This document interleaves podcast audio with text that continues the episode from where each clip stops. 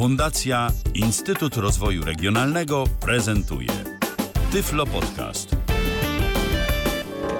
Co jest w telewizji grane? O czym radia szumią fale? Jeśli wiedzieć będziesz chciał, włącz po prostu RTV. W każdą sobotę od 16 na antenie radia DHT o aktualnych wydarzeniach związanych z radiem i telewizją opowiedzą Milena Wiśniewska i Michał Dziwisz.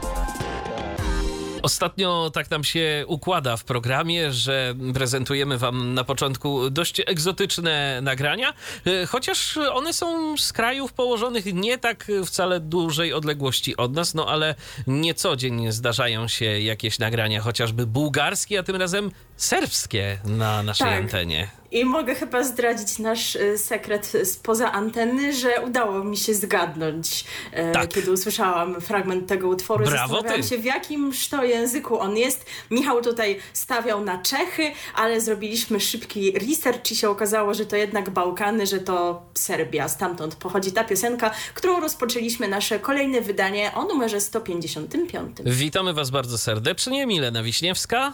I Michał Dziwisz. I zapraszamy. I od razu uprzedzamy, dziś będziemy z wami no dość długo, bo trochę się informacji zebrało, e, więc y, jest co prezentować, o czym mówić. e, Tak, wszak tydzień temu nas nie było, więc trochę jest kwestii do nadrobienia, no a trochę też zapowiedzi z medialnej przyszłości do zaprezentowania. I od razu mówimy, nie ma nas na żywo, więc kiedy to U nas nagrywamy. jest, kochani, piątek, piąteczek, Piąteczek, piątunie, tak jest. 19.35. Dokładnie, więc my dziś y, nie na żywo, ale oczywiście, jeżeli macie ochotę do nas pisać, to polecamy się facebook.com ukośnik Radio DHT albo na przykład www.radiodht.com. Mówię na przykład, bo jeszcze później możecie się przecież odnosić do tego wszystkiego w komentarzach pod y, audycją, na przykład zamieszczoną w Tyflo Podcaście albo na stronie y, Tyflo Podcastu, albo na naszym kanale Tyflo Podcastu na YouTubie. Więc jeżeli macie ochotę na taką formę interakcji z nami, to jak najbardziej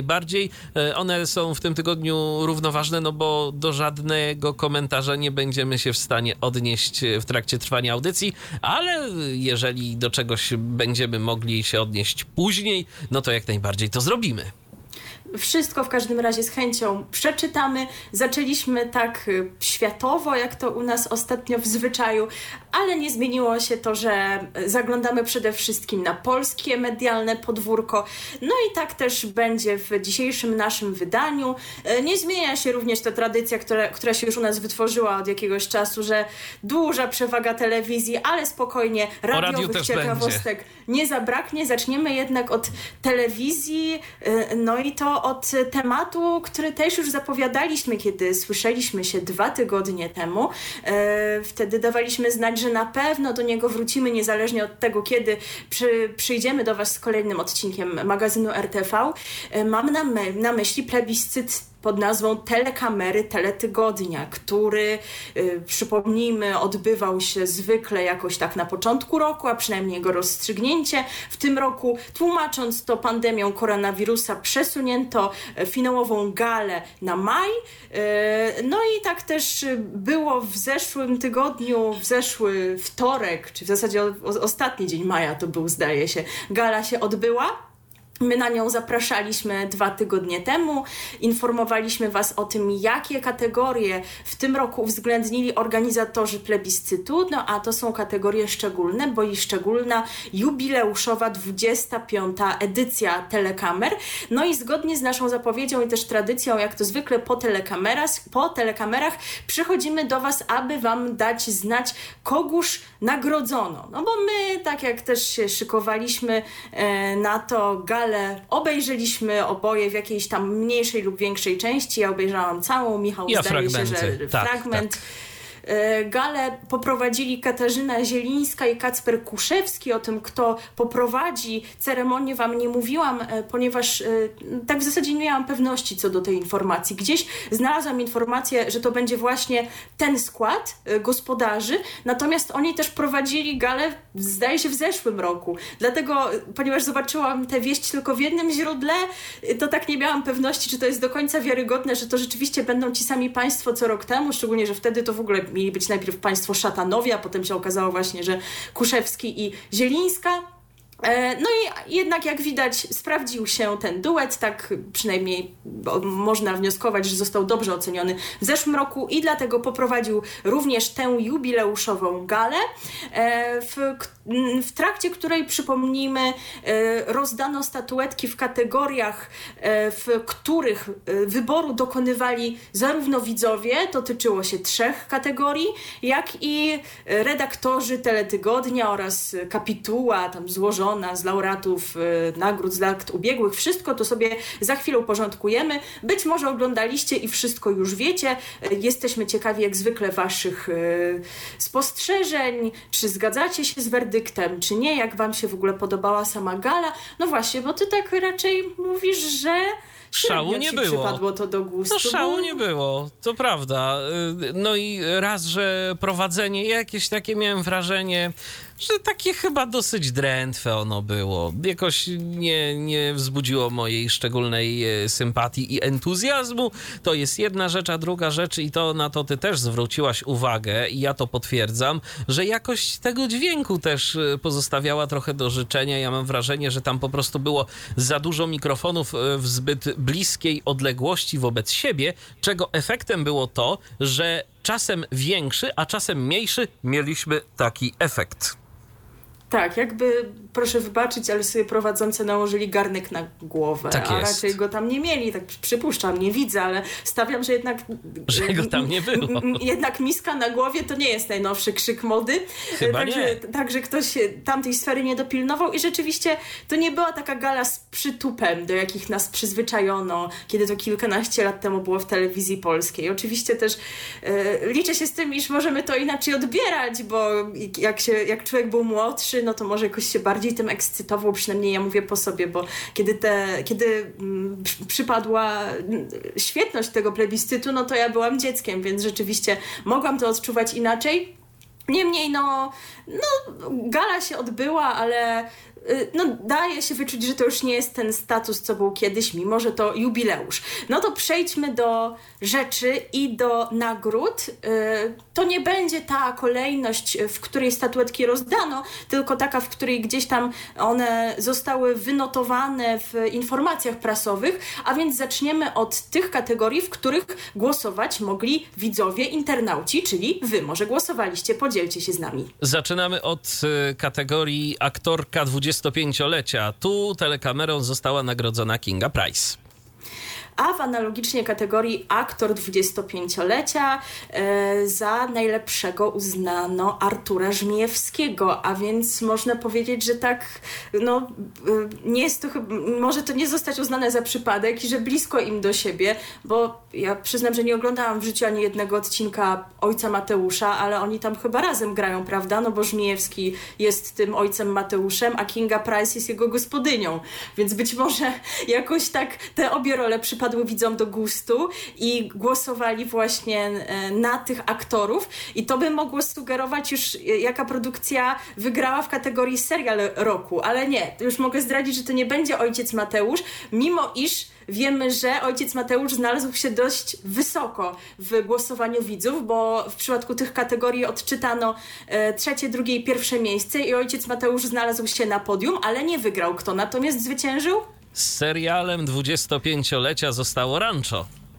No co ty myślisz o tym werdykcie? Yy, powiem tak. Yy, myślę, że y, jest to w miarę zasłużona nagroda, bo jednak Rancho miało raz, że sporo sezonów, dwa, że gdzieś tam w tej popkulturze się zapisało jednak jakoś. To nie był taki serial na jeden, dwa sezony. Mm, to był serial oglądany, lubiany, no i nawet doczekał się, chyba to w tę stronę szło, najpierw był serial, potem były książki i to parę tych książek nawet y, się pojawiło.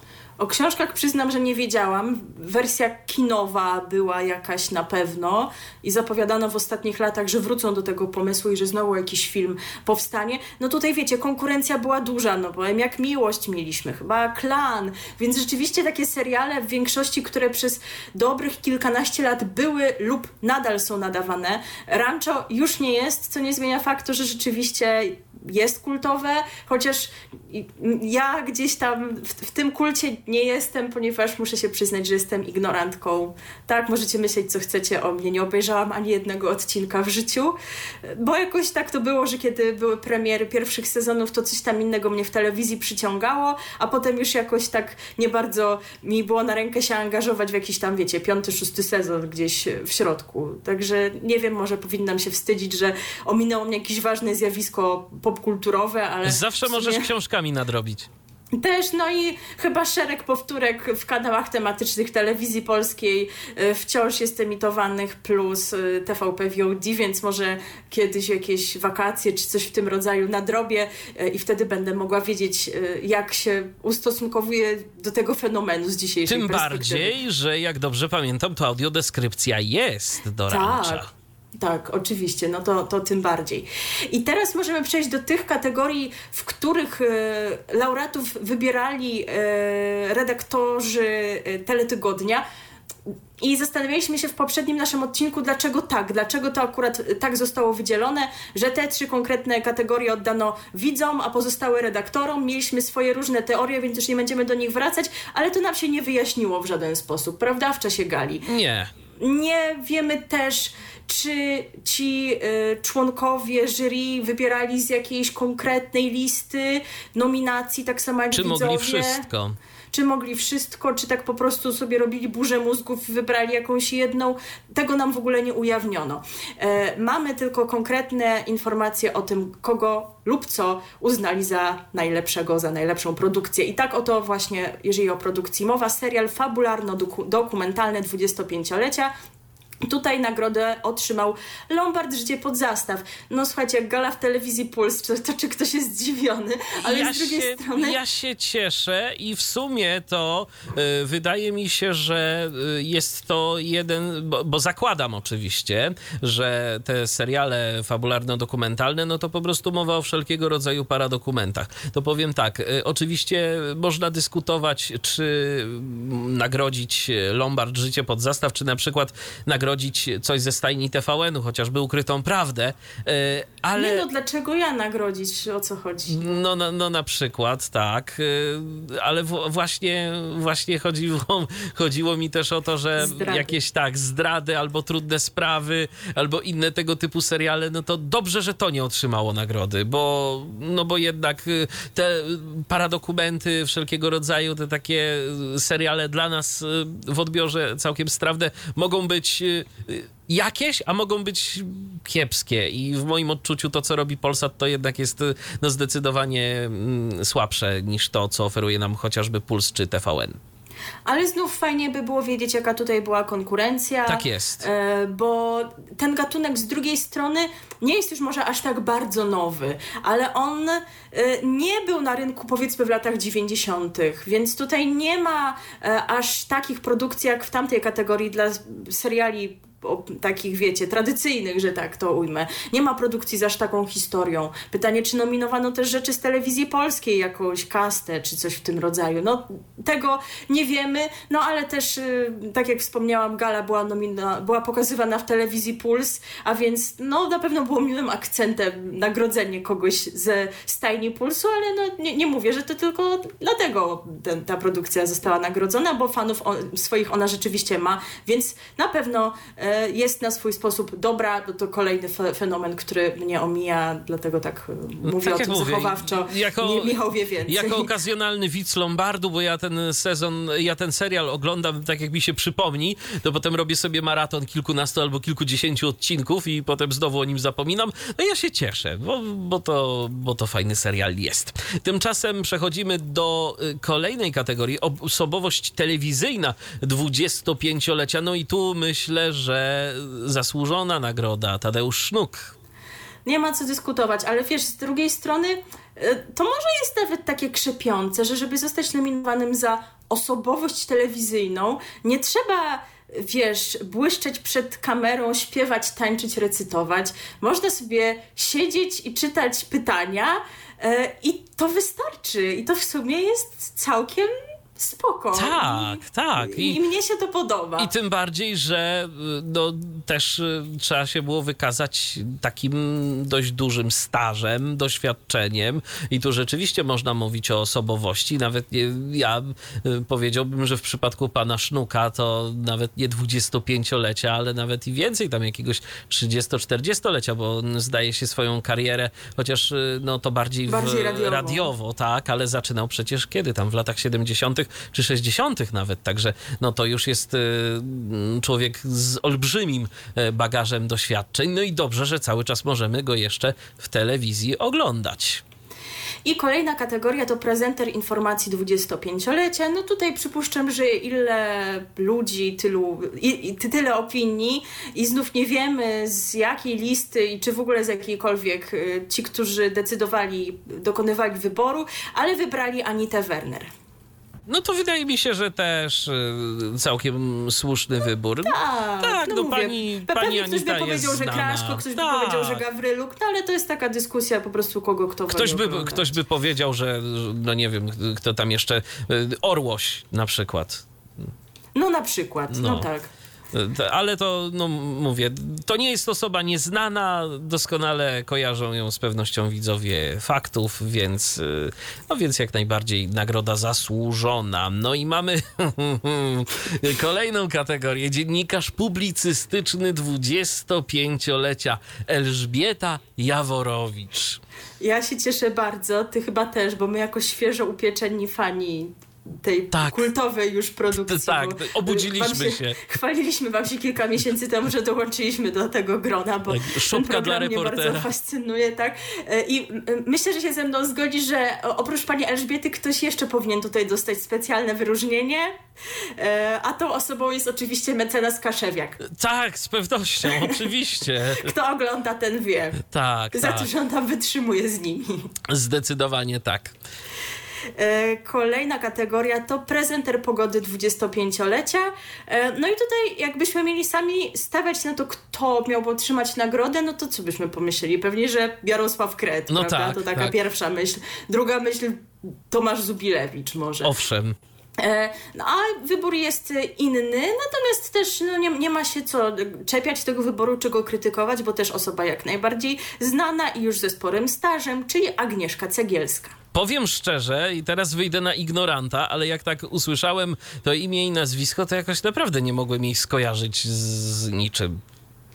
Głos myślę, że kojarzysz z TVN-u. No tak, pewnie tak. tak, pewnie tak, ale wiesz, ale tak jakby o, osoby konkretnej Mhm. tu nie mogłem przypisać do tego. No ale to, to tylko ja, y, więc... y, Każdego jakieś więc fenomeny tak, omijają. więc dobrze, że ty kojarzysz, to, to, to, to okej. Y, A teraz, no, to teraz to, na czym się znasz, tym bardziej. O, to, tak, tak, tak. Y, Dziennikarz sportowy 25-lecia. Na sporcie się nie znam, ale tego pana jak najbardziej kojarzę. Dariusz Szpakowski. No, nie będziemy kwestionować. y, Znowu ktoś by mógł powiedzieć, że Szaranowicz, no ale to znowu trudno dokonać takiego jednoznacznego wyboru, bo tych osób zasłużonych jest sporo.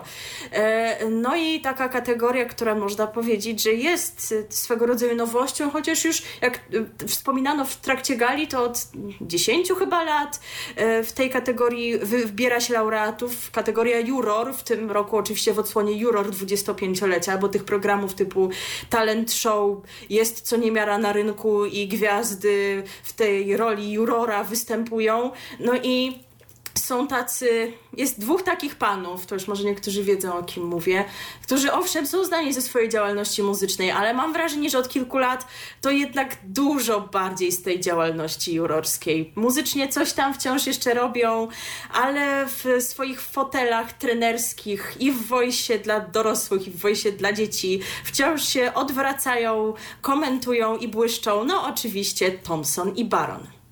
I kolejna kategoria, program rozrywkowy 25-lecia. Y, mm, rolnik szuka żony. No i co ty myślisz o tym? Heh, mm, powiem szczerze, y, że to też jest y, program, który nie jest chyba złym wyborem, bo on też nie jest jakiś taki nowy. To znaczy, ja cały czas o nim myślę w kategorii tego, a to on, on, jest, przecież, on jest przecież nowy, parę edycji zaledwie, ale to już on jest od paru ładnych lat. No to jakieś 8 lat chyba. No właśnie, ja cały czas jak sobie tak o nim myślę, y, to moja pierwsza myśl, a to przecież taka świeżynka w sumie, a dopiero później taka refleksja, chwila, chwila, ale, ale to on już parę lat jest na antenie, także myślę, że myślę, że tak, myślę, że on już nawet zresztą ten program wszedł tak trochę w popkulturę gdzieś tam mam wrażenie, więc nie jest to zupełnie coś nieznanego, więc jak najbardziej słusznie. No, znów można by dyskutować, y, bo na pewno było wiele programów i jest, które są emitowane, czy były dłużej od jakaś, nie wiem, familiada, cokolwiek. No tak. Ale y, czy, czy też jakieś rzeczy, które się zaczęły w latach 90. albo u początku y, obecnie trwającego stulecia, no ale gdzieś tam pewnie na tę naszą ocenę rzutują sentymenty i pewnie gdybyśmy mieli wybierać, to byśmy rzeczywiście wskazali na coś, co jest na tej antenie dłużej, właśnie na familiadę jednego z dziesięciu, coś takiego.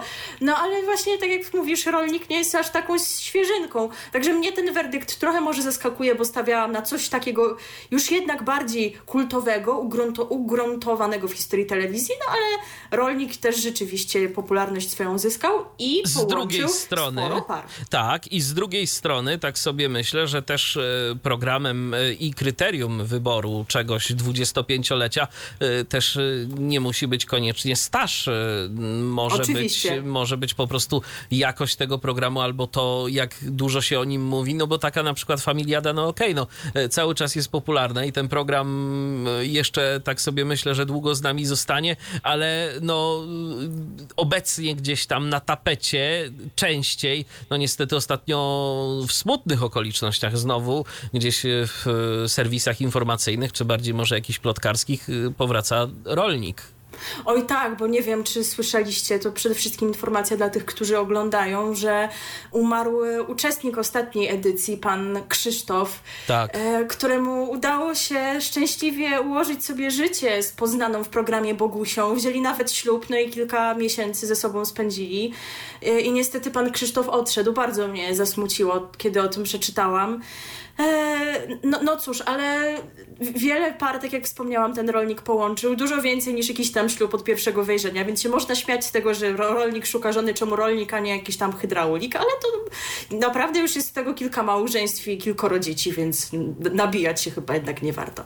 E, I kolejna kategoria K, na tematyczne 25-lecie. Zastanawialiśmy się, kogo tutaj nagrodzą i to znów nie jest nasza dziedzina, ale y, na tyle, na ile się orientuję, to mogę że w swojej działce robią dobrą robotę już od lat, a jest to stacja Polsat Sport.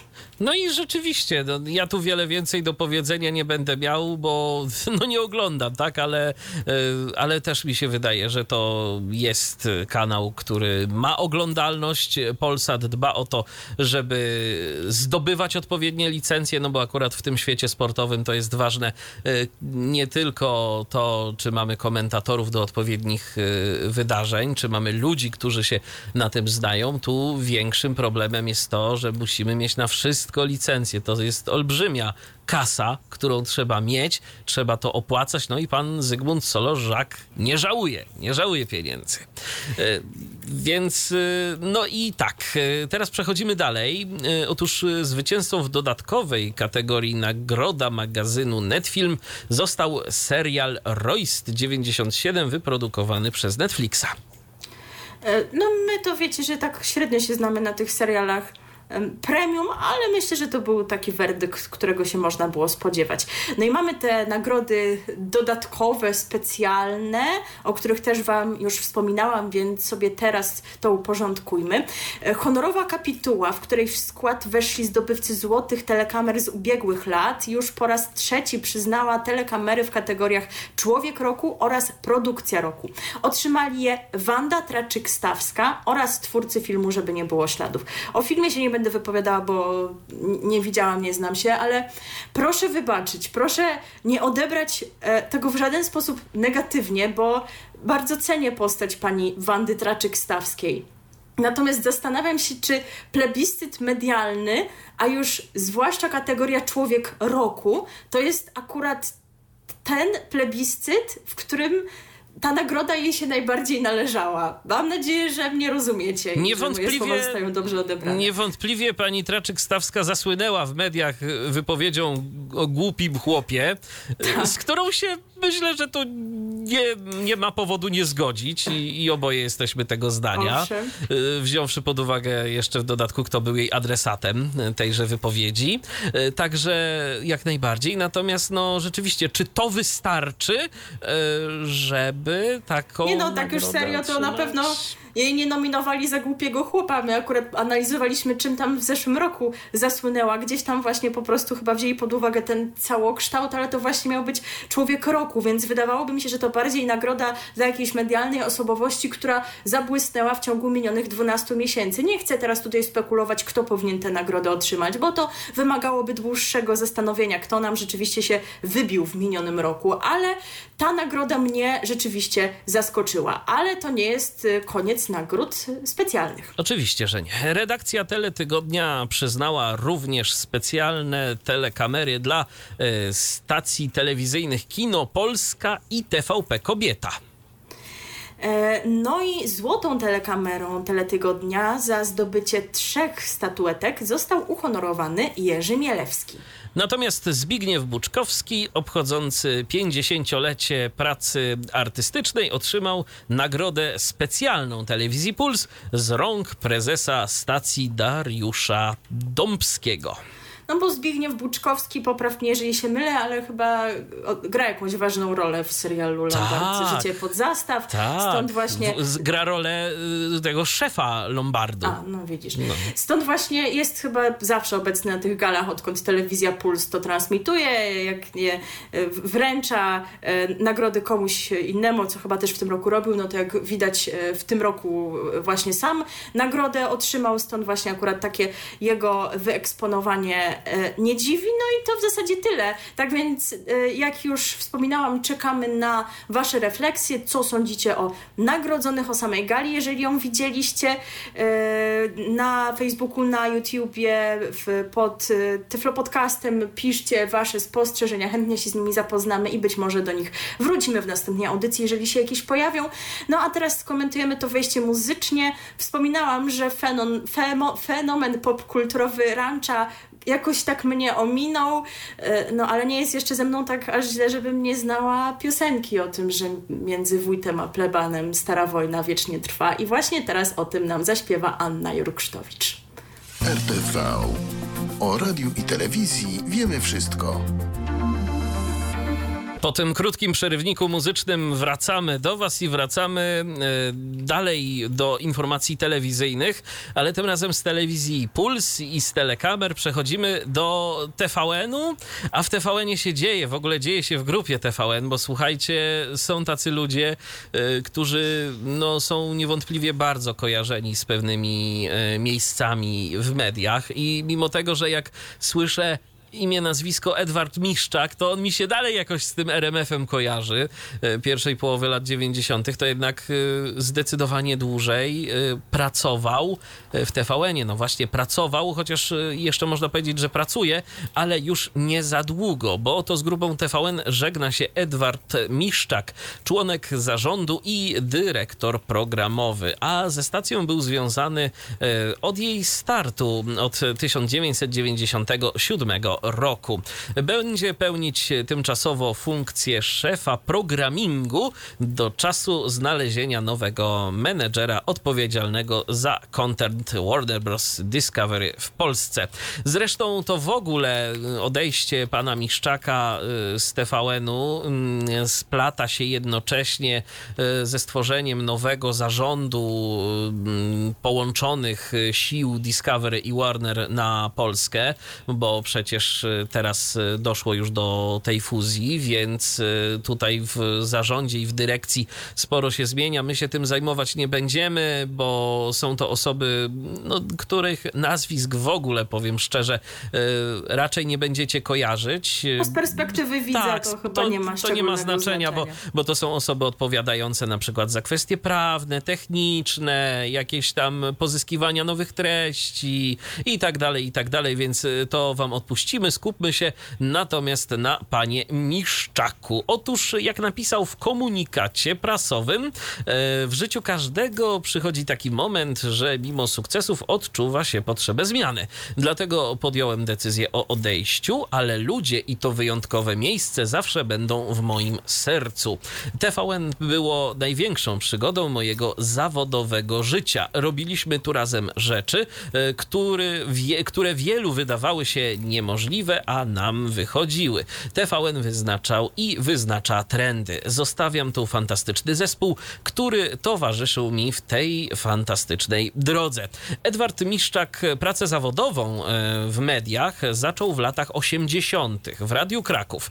W 1990 roku był jednym z założycieli radia RMFFM, pełnił tam funkcję dyrektora anteny i wiceprezesa, prowadził też program publicystyczno-informacyjny Radio Muzyka Fakty. Na YouTubie nawet możecie znaleźć y, jakieś jedno wejście antenowe z początku lat 90., y, jak pan Miszczak prowadzi audycję. Jakieś takie króciutkie wejście, także możecie sobie tego poszukać jak chcecie.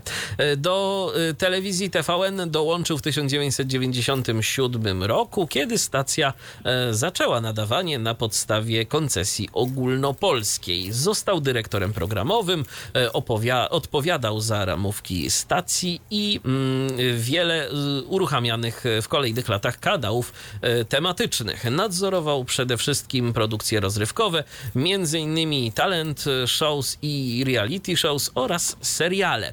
Ponadto Miszczak przygotowywał programy dokumentalne, Ludzie w drodze, Urzekła mnie twoja historia, Cela, e, Numer Ola oraz Cela. E, w latach 2004 e, i 2009 oraz 2018-2020 był wiceprezesem TVN. W ostatnich latach dołączył też do władz kilku jej spółek zależnych. W 2014 roku Edward Miszczak został odznaczony Krzyżem oficerskim Orderu Odrodzenia Polski. W 2007 roku z kolei dostał Super Wiktora za całokształt osiągnięć, a w 2009 roku tytuł Człowiek Mediów w konkursie Media Trendy. E, natomiast w marcu tego roku pan Miszczak skończył 67 lat, więc wiek, no niby można powiedzieć, że już zasłużony, ale jeszcze zwłaszcza w takich e, miejscach jak media, to i zwłaszcza na jakimś stanowisku e, menedżerskim, kiedy głowa jest sprawna, to jeszcze przez lata można coś robić, można spokojnie działać, jeżeli ma się tylko pomysły i potrafi się nadążyć za współczesnym światem. No w i... zeszłym roku zasłynął akcją ze szczepionkami mm, przecież. Tak jest. To, czy pod koniec 2020 tak to jest. nawet było. Dokładnie. Więc, y, więc, więc jak najbardziej wszystko, wszystko jest y, ok i pan Miszczak, no właśnie, nie wiadomo co z nim dalej. Bo tak, y, na pewno, mm, kiedy będzie odchodził z TVN-u, y, to dostanie jakiś zakaz konkurencji. No bo on był na takim stanowisku, że jest to powszechną praktyką. Więc y, przez jakiś czas będzie zmuszony do tego, żeby zrobić sobie urlop od mediów. Ale co dalej? No i są plotki. Na razie tych plotek nikt nie potwierdza. Też nikt im nie zaprzecza że yy, zmieni barwy i z TVN-u przejdzie do Polsatu. I tam w Polsacie mamy przecież znane nazwisko. Mamy Carycę. Mamy Carycę, mamy Ninę Terentiew. I pani Nina, y, no cóż, mówi się o tym, że może y, odejść na zasłużoną emeryturę, albo też będzie z panem Miszczakiem współpracować. On dostanie jakieś inne stanowisko y, zarządzające, ona pozostanie w tych strukturach, no i może coś tam razem będą działać, być może też osobno. Jak na razie w ogóle od Edwarda Miszczaka nie ma żadnych, poza tym komunikatem prasowym, e, wyjaśnień. On się nie wypowiada. E, no, zresztą też na razie to specjalnie nie ma o czym mówić, no bo on cały czas jest jeszcze pracownikiem TVN-u i on jeszcze to, że ogłosił, że odchodzi, to okej, okay, ale to nie jest tak, że on odchodzi z dnia na dzień. Tam trzeba znaleźć tego następcę, e, trzeba przekazać obowiązki, więc to wszystko jeszcze chwilę potrwa. Natomiast co dalej z nim nie wiadomo. Jest gdzieś tam Polsat brany pod uwagę, a przynajmniej wśród y, osób, y, które się na mediach znają i coś tam spekulują. Wirtualne media deklarują, że udało im się tę plotkę nieoficjalnie potwierdzić. No ale no, cóż to jest nieoficjalne potwierdzenie? No, w zasadzie nic. Więc czas pokaże, ale myślę, że prędzej czy później jeszcze o panu Edwardzie Miszczaku usłyszymy. Na pewno, bo tak jak wspomniałeś, jeszcze jest w sile wieku i na pewno, y, na pewno ma pole do tego, żeby być aktywnym i dzielić się tym swoim doświadczeniem, swoją wiedzą, którą nabył przez lata. No, podsumowując, trochę szok, bo się zawsze wydaje, że są pewne osoby, pewne rzeczy, które są wieczne, no ale no, ludzie potrzebują zmian albo zmiany gdzieś tam są na nich wymuszane z różnych no, powodów dokładnie. i tak to po prostu się dzieje. No. Dokładnie, to y, była tak w ogóle z tego, co czytałem, y, gdzieś tam to była decyzja pana Miszczaka, natomiast no wiadomo, że y, sporo osób odchodzi z własnej woli, ale tak nie do końca to wygląda. Ja podejrzewam, ale to są oczywiście też tylko takie moje spekulacje, że być może właśnie mm, ta decyzja szła w parze z tymi zmianami, o których y, tu wspominałem, zmianami dotyczącymi zarządu. I opcje są teraz dwie. Albo chciano mu y, na przykład dać zdecydowanie więcej obowiązków i miałby zdecydowanie większą odpowiedzialność za różne rzeczy. Miałby na przykład pod sobą zdecydowanie więcej kanałów niż obecnie, albo na przykład y, chciano mu tę odpowiedzialność ograniczyć i chciano mu po prostu zabrać jakieś, jakieś kanały i ktoś miałby inny mu się wtrącać w jego wizję, jak to powinno wszystko wyglądać. Także ja bym obstawiał którąś z tych opcji. Jakoś dziwnie mam wrażenie, że ta druga może być bardziej realna, bo myślę, że tak doświadczony człowiek y, mediów to ile gdzieś tam by nie miał tych obowiązków i y, przy odpowiednim zarządzaniu zespołem, to, to byłby w stanie ogarnąć naprawdę dużo. No, nie wiemy jak było, w każdym razie na pewno będziemy wyczekiwać informacji co dalej, bo no nie jest wykluczone, że szykują nam się, e, szykuje nam się gorący czas na tej medialnej scenie. Tak jest. Jeżeli rzeczywiście mielibyśmy, mielibyśmy mieć transfer do Polsatu czy gdziekolwiek indziej, no to takie nazwisko, jak nazwisko pana Miszczaka, będzie wzmocnieniem dla każdego kolejnego zespołu, który zdecyduje się zasilić. A skoro już jesteśmy przy TVN-ie, to kilka drobiazgów związanych z grupą TVN, z ich produkcjami. No i no właśnie pan Edward odchodzi i będą właśnie teraz wieści związane z takimi produkcjami, których również na antenie prawdopodobnie już nie zobaczymy, więc jakoś tak nam się zrobiło schyłkowo i w kolejnym wejściu możemy zapowiedzieć, że utrzymamy te tendencje, ale jesteśmy w grupie TVN, no i z reguły e, nie mówimy Wam o tym, że podjęto decyzję o kontynuacji jakiegoś tam serialu, którego pierwszy sezon już został wyemitowany. Raczej Wam dajemy znać, kiedy ten kolejny sezon już jest na antenie, czy już jest w internecie, no bo tak po prostu jest gdzieś tam łatwiej, żeby się nie zagubić w gąszczu tych e, informacji. Przede wszystkim nas interesuje to, co możemy oglądać, a nie tam, że za parę miesięcy coś tam się dopiero wydarzy. Dlatego też Wam nie mówiliśmy, że telewizja TVN podjęła decyzję o tym, aby kontynuować produkcję serialu Bunt, który znalazł się w wiosennej ramówce stacji. No ale coś tam jednak poszło nie tak, ktoś coś przemyślał i zmienił zdanie, bo telewizja TVN przerwała zdjęcia do drugiego sezonu serialu Bunt. I to tak dość gwałtownie. Tak, bo zdjęcia ruszyły w maju, a na początku czerwca je przerwano. Jest komentarz biura prasowego TVN, ale on nie mówi nic. Podjęliśmy decyzję o zakończeniu produkcji serialu Bunt. Pracujemy nad nowymi propozycjami programowymi, które w kolejnym sezonie zaproponujemy naszym widzom. Nie, nieważne, jakby nic nie powiedzieli. Natomiast no, tak się spekuluje, że za decyzją mogła stać kwestia ponownej analizy finansowania produkcji buntu, a więc jest to decyzja o charakterze biznesowym. No ale to znów są spekulacje e, portali medialnych w oparciu o jakieś tam wieści, które mm, przedstawiciele tych portali e, uzyskują od e, osób współpracujących z danymi stacjami, więc nie mamy pewności, jak to było w rzeczywistości. E, no to trochę dziwne, że nie można tego po prostu raz a dobrze przeanalizować, e, bo przerywanie zdjęć w trakcie, kiedy już ktoś włożył w to jakąś pracę jakieś pieniądze, wydaje się jednak trochę nieprofesjonalnym zagraniem. Ale to jest, wiesz co, to jest e, po prostu efekt, mam wrażenie, korporacji i tak, tego, tak, że tak. za daną rzecz odpowiada ileś osób i teraz tu jeden coś zatwierdził, drugi mm, ma trochę więcej narzędzi biznesowych do analizy analizowania pewnych rzeczy i coś mu się tam w Excelu wyświetliło, spojrzał na ten wykres, e, e, no nie, to będzie za drogo, e, to się nie zwraca, e, tu jedno się nie równa z drugim, kończymy. I, i tak to po prostu mogło być. Oczywiście jest jeszcze za wcześnie, abyśmy poznali ewentualnego następcę serialu na antenie telewizji TVN, e, bo stacja może ogłosić e, go dopiero na konferencji zapowiadającej jesienną ramówkę, czyli prawdopodobnie dopiero w sierpniu, ale oczywiście mogą przeniknąć do mediów jakieś informacje już wcześniej. E, Bunt był, przypomnijmy, codziennym serialem, który trafił do wiosennej ramówki TVN i też do playera, był emitowany od poniedziałku do piątku o 18.25. My próbowaliśmy oglądać i nam jakoś do gustu nie przypadł, nie. ale czekamy na Wasze opinie w tej sprawie. Być może są one różne od naszych, być może Wam szkoda, że ten serial już się w tvn nie pojawi, no e, mnie może no, nie szkoda, bo się do niego nie przywiązałam, ale gdzieś tam zawsze szkoda tej pracy, którą już ktoś włożył, e, ktoś e, napisał jakiś scenariusz, już ludzie przyjechali na zdjęcia, przyjechali grać, to już naprawdę jest spore zaangażowanie i to się okazuje, że później nic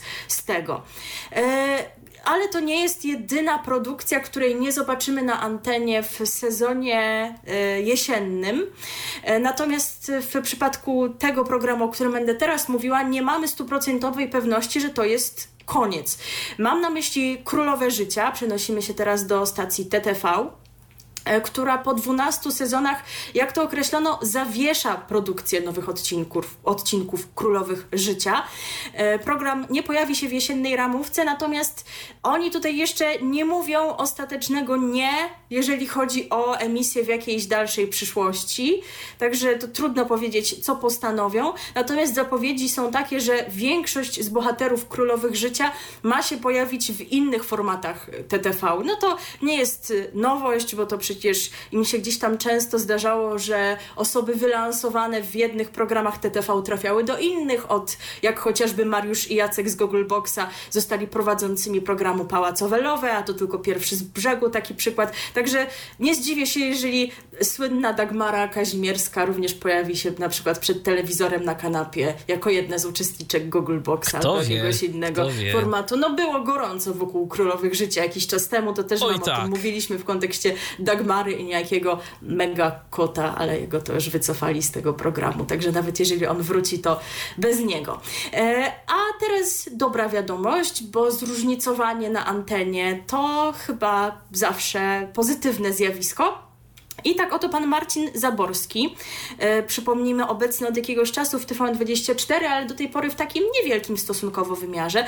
Od kilku tygodni pojawia się w roli prowadzącego programu Tak jest emitowanego w TVN24, ale e, nie pojawia się tam codziennie, czy też jakoś nieregularnie, tylko w piątkowych wydaniach. I z informacji wirtualnych mediów wynika, że został stałym gospodarzem programu w piątki, a w pozostałe dni prowadzącym jest jak dotąd pan Andrzej Andrzej Morozowski. Chociaż y, wiemy, że przed nami sezon urlopowy, a w takim sezonie też się często zdarzają jakieś rotacje. Z tego co pamiętam, to taką zastępczynią pana Morozowskiego była często pani Małgorzata Łaszcz i całkiem fajnie ją było w tej roli oglądać, także być może to grono będzie w najbliższych miesiącach jeszcze bardziej zróżnicowane. A przypomnijmy, że pan Zaborski dołączył do TVN24 we wrześniu zeszłego roku. Od tego czasu prowadzi sobotni program 1 na 1 którym rozmawia z gośćmi. Magazyn ma też swoje przedłużenie w serwisie TVN24 Go, a poza tym od czasu do czasu Zaborski prowadzi debaty społeczne emitowane w TVN24 w niedzielne wieczory. No i tak to y, tyle informacji, jeżeli chodzi o TVN i przyległości. Za moment y, zmienimy stację, bo będzie o Polsacie i też będzie o planowanym pożegnaniu, ale zanim to, to posłuchamy sobie piosenki. No nie było tutaj łatwo wybrać jakiegoś No utworu, który by nam to dobrze skomentował, bo jakoś tak za, żaden utwór się nam nie kojarzył wprost z panem Miszczakiem, ale to była świetna okazja, aby e, Michał wam zaprezentował swoje e, muzyczne odkrycie ostatnich tygodni. Tak jest. Bardzo chciał wam to zagrać. On by już po prostu pod każdą kategorię podciągnął ten utwór, No byle nie, wam no, to pokazać. bez przesady, bez przesady, ale rzeczywiście piosenka jest przyjemna, chociaż mam wrażenie, że jeżeli kojarzycie dyskotekę pana Jacka, e, w której to też zresztą e, brała udział Majka Jeżowska, której e, za moment e, posłuchamy, to, że tu ktoś się nie napracował i pewne mm, partie z takiego utworu jak Myszka widziała ostatnio śpiewanego przez Magdę Franceską sobie zapożyczył. A może Edek był pierwszy? Szczerze mówiąc nie wiem, bo właśnie piosenka Odkąd zjawił się Edek w wykonaniu Majki Jeżowskiej teraz zwieńczy nam to wejście, jeżeli chodzi o muzyczny komentarz. Hity niekoniecznie na czasie. Radio DHT. Tak, odkąd zjawił się Edek, tak nam śpiewała Majka Jeżowska. No odkąd zjawił się Edek, to tam w TVN-ie się działo, ale to w sumie od samego początku mm, on, on tam właśnie. się zjawił, A więc teraz sobie pójdzie, to nie wiadomo. to nie co wiadomo, się co będzie się działo. będzie działo. Trzeba I drugą część nagrać, odkąd poszedł Edek. Odkąd poszedł Edek, a, to, tak, tam, tam rządzi, to, zresztą o y, panu Miszczaku to poinformowała pani, o odejściu e, pana Miszczaka to poinformowała pani Katarzyna Kieli. Kieli. Tak, postać, o której swego czasu tam się co niektórzy tak mało pozytywnie wypowiadali. No, O tak, to... ten słynny anonim o Tak, ten słynny, TVN, tak, tak, tak, gromy rzucali na panią Kasię. No ale zobaczymy, zobaczymy jak y, TVN-owi w ogóle całej grupie pójdzie pod nowym zarządem, ale to okaże się za czas jakiś, za czas jakiś po owocach i poznamy, a tymczasem przenosimy się do Polsatu, y, bo tutaj też no takie dla niektórych szok. smutne Też się wydawało, że wieści. są rzeczy, co będą wiecznie, prawda? Ale ja akurat ile razy już mówiłem, że w sumie to mogłoby się stać dawno. No i chyba Wy już wiecie co. w końcu. Jak ustalił, jak ustalił portal wirtualnemedia.pl, Polsat nie planuje kontynuacji świata według kiepskich. W rozmowie z tymże właśnie portalem Nina Terentiew, dyrektor programowa telewizji Polsat, powiedziała: Po ponad 20 latach nie wykluczam, że zakończymy produkcję świata według kiepskich, e, których zrealizowaliśmy 588 e, odcinków. No ale to tak e, nie wykluczam. No Nie to, to, wykluczam, to nie no. znaczy, że się skończy. No nie, ale jednak chyba nie bez powodu ta informacja przeniknęła. Ona się tak jakoś zabezpiecza. E, Pani Nina w sensie carycą zwana, ale jakby ktoś tam miał zamiar jakoś tak protestować, może wiesz, to jest taka Może. furtka, że y, no okej, jak y, zrobicie petycję na Facebooku albo gdzieś tam, będzie jakieś milion podpisów, no to dobra, to, to zostawimy kiepskich, ale kiepsko to widzę. Tak, ja Y, już wątpię. Tak, jak dodaje pani Terentiew, w sitcomie występują i występowali aktorzy, których śmiało mogę nazwać wybitnymi artystami. Trudno będzie się nam z nimi rozstawać, ale fani zawsze będą mogli przypomnieć sobie wszystkie sezony serialu na naszej blat- bezpłatnej platformie Polsat Box Go. No to prawda, to Polsat Go to jest bezpłatna platforma, bo Polsat Box Go to... Tak. właśnie Pol, Polsat Box jest- to Go to jest jest to płatna, samo. tak, a, Tak. Pol, tak, a Polsat, Polsat Go to jest bezpłatna. To dobrze, że zwróciłaś na to uwagę. Z kolei, no tak, e, też gdzieś tam się mówi, dlaczego w ogóle to planuje się to zakończenie. No, słuchajcie, bez osób, które mm, miały w serialu może nie główne, ale na pewno znaczące role, no bardzo ciężko jest y, tę fabułę jakoś y, snuć, no bo wszak nie ma już y, wśród nas y, dwóch aktorów, którzy grali w tym serialu. Mam tu na myśli pana mm, Gnatowskiego i Kotysa. Y, No i y, cóż, mm, oni tam grali dość często, dość często się pojawiali. Ten ostatni sezon jeszcze został e, nakręcony wtedy, kiedy obaj żyli, no a teraz ciężko, ciężko by było. E, Ale e, wśród tych smutnych niewątpliwie dla miłośników świata według kiepskich informacji jest jedna wesoła, bo stacja e, wspólnie z wydawnictwem SQN pracuje nad książką, która będzie podsumowaniem serialu. W publikacji aktorzy zdradzają kulisy produkcji, opowiadają wiele ciekawych historii związanych z powstawaniem serialu i tym podobne. Książka została już napisana, a aktualnie e, trwają na, nad nią ostatnie poprawki. Ma się ona ukazać jesienią tego roku z okazji jubileuszu 30-lecia telewizji Polsat. No i właśnie ta zapowiedź jakoś tak mi sugeruje, że rzeczywiście ona się tak zabezpieczyła tym sformułowaniem, że nie wyklucza, ale skoro już powstała książka y, będąca swego rodzaju podsumowaniem, no to chyba rzeczywiście już zamierzali to zakończyć. A przypomnijmy, że y, no, już były przesłanki, które wskazywały na to, że gdzieś tam ten serial już nie jest priorytetem stacji. Oczywiście. Mówiliśmy o tym, że dwa ostatnie odcinki ostatniego sezonu zostały wyemitowane o jakiejś szalonej godzinie typu druga 30. Tam się doszukiwano przyczyn tego w jakichś odniesieniach politycznych, co później było prostowane, no bo to nie były pierwsze odniesienia polityczne w kiepskich. No ale po prostu już chyba oglądalność nie była Oglądalność, tak. Ta oglądalność spadała tak naprawdę z sezonu na sezon. No niestety, no nic nie może wiecznie trwać, a też ja mam wrażenie, że no jednak najlepsze pomysły na kiepskich to były za czasów Okiła Kamidowa, który się zajmował tym serialem. Później tam zmieniły się osoby przy nim pracujące, e, tworzące scenariusze i to już jednak było widać. y, No więc y, tu mam wrażenie, że jest problem. Ja właściwie, że był problem. A teraz, no cóż, pozostaje po prostu mieć dobre wspomnienia. E, Też zresztą e, jeszcze w tym wywiadzie pani Terentiew dodała taką mm, kwestię, którą ja zresztą też pamiętam dobrze, że y, przez pierwsze lata y, to świat według kiepskich nie miał dobrej prasy. I, I otoczony był taką, kryty był taką złą sławą, e, to znaczy bardzo negatywnie się wypowiadano na temat tego serialu. Że to takie prymitywne, że to takie niefajne, że to takie jakieś, że to żadnych wartości nie ma i tak dalej, i tak dalej. A tak naprawdę dopiero później jakoś zauważano i zaczęto zauważać to, to drugie dno, że to tak naprawdę jest pewna karykatura, że jesteśmy tam przedstawieni jakby w takim krzywym zwierciadle, e, no ale na początku rozumiano to wszystko, co tam jest tak bardzo dosłownie i bezpośrednio.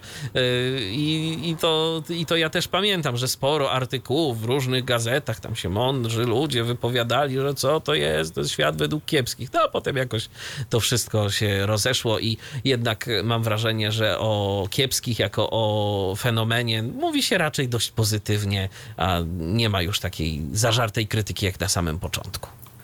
A my jak zwykle jesteśmy ciekawi Waszych opinii, e, Waszych wspomnień związanych z serialem i e, Waszego poglądu na to, czy to dobrze, czy źle, że serial kończy się teraz, czy podzielacie tutaj e, opinię Michała, czy też sądzicie, że to można było jeszcze mimo wszystko próbować ciągnąć przez kolejne sezony i kolejne lata, bo jak już wiecie, jeżeli słuchacie nas od jakiegoś czasu i znacie mnie, to to jest kolejny fenomen popkulturowy, który mnie ominął. Ja w ogóle nie wiem, co ja robię w programie o mediach, skoro nie znam tak podstawowych rzeczy jak rancho i kiepscy. To powiem ci Ale tak, naprawdę to- ani jednej, ani drugiej się u mnie w domu nie oglądało, więc jakoś mi też z nimi nie było po drodze. To powiem ci tak, jeżeli masz coś do nadrobienia, to y, pierwsze sezony, dalej nie ma co już iść. Y, Te, te pierwsze sezony, w których y, pojawia się Ferdek i Waldek, bo potem Waldek zniknął i coś już tam, tam się pojawił jakiś inny bohater, jakiś kuzyn kiepskich, który przyjechał. Coś już tam zaczęto kombinować z tym, a potem jak już Waldek wrócił ze swoją narzeczoną, później żoną, no to już nie, to, to, to już tego to się nie dało oglądać. Moim subiektywnym zdaniem. Ale tak jak wspomniałam, czekamy na Wasze zdanie w tej kwestii, e, ale oczywiście to nie jest tak, że Polsat pozbywając się, jakby nie było jednego ze swoich flagowych przez wiele lat seriali, zaniedbuje swoją serialową ofertę, bo mają wciąż nowe pomysły na produkcję tego rodzaju. E, na pewno będziemy Wam mówić o nich więcej, kiedy już trafią na antenę, czy też do internetu. E, ma być serial Bracia na przykład, zobaczymy jak to dokładnie będzie wyglądało, ale no, taką kwestią dosyć głośną jest to, że Polsat wykupił prawa do stworzenia polskiej wersji serialu Sługa Narodu. No, tak, moi drodzy, to jest ten serial ukraiński, w którym Wołodymyr Zełeński zagrał prezydenta raczej do nauczyciela, który później został wybrany prezydentem i to okazało się gdzieś tam prorocze. No i w związku z tym od razu spekulacje, prawda, kiedy pojawiła się ta informacja, że Polsat będzie realizował Polskiego Sługę Narodu, kto się znajdzie w naszej obsadzie, no bo jak widać to ma duże znaczenie, prawda. No i po pojawiły się już plotki, e, znów niepotwierdzone przez e, samego zainteresowanego, no ale coraz więcej się o tym pisze, więc i my wam damy znać.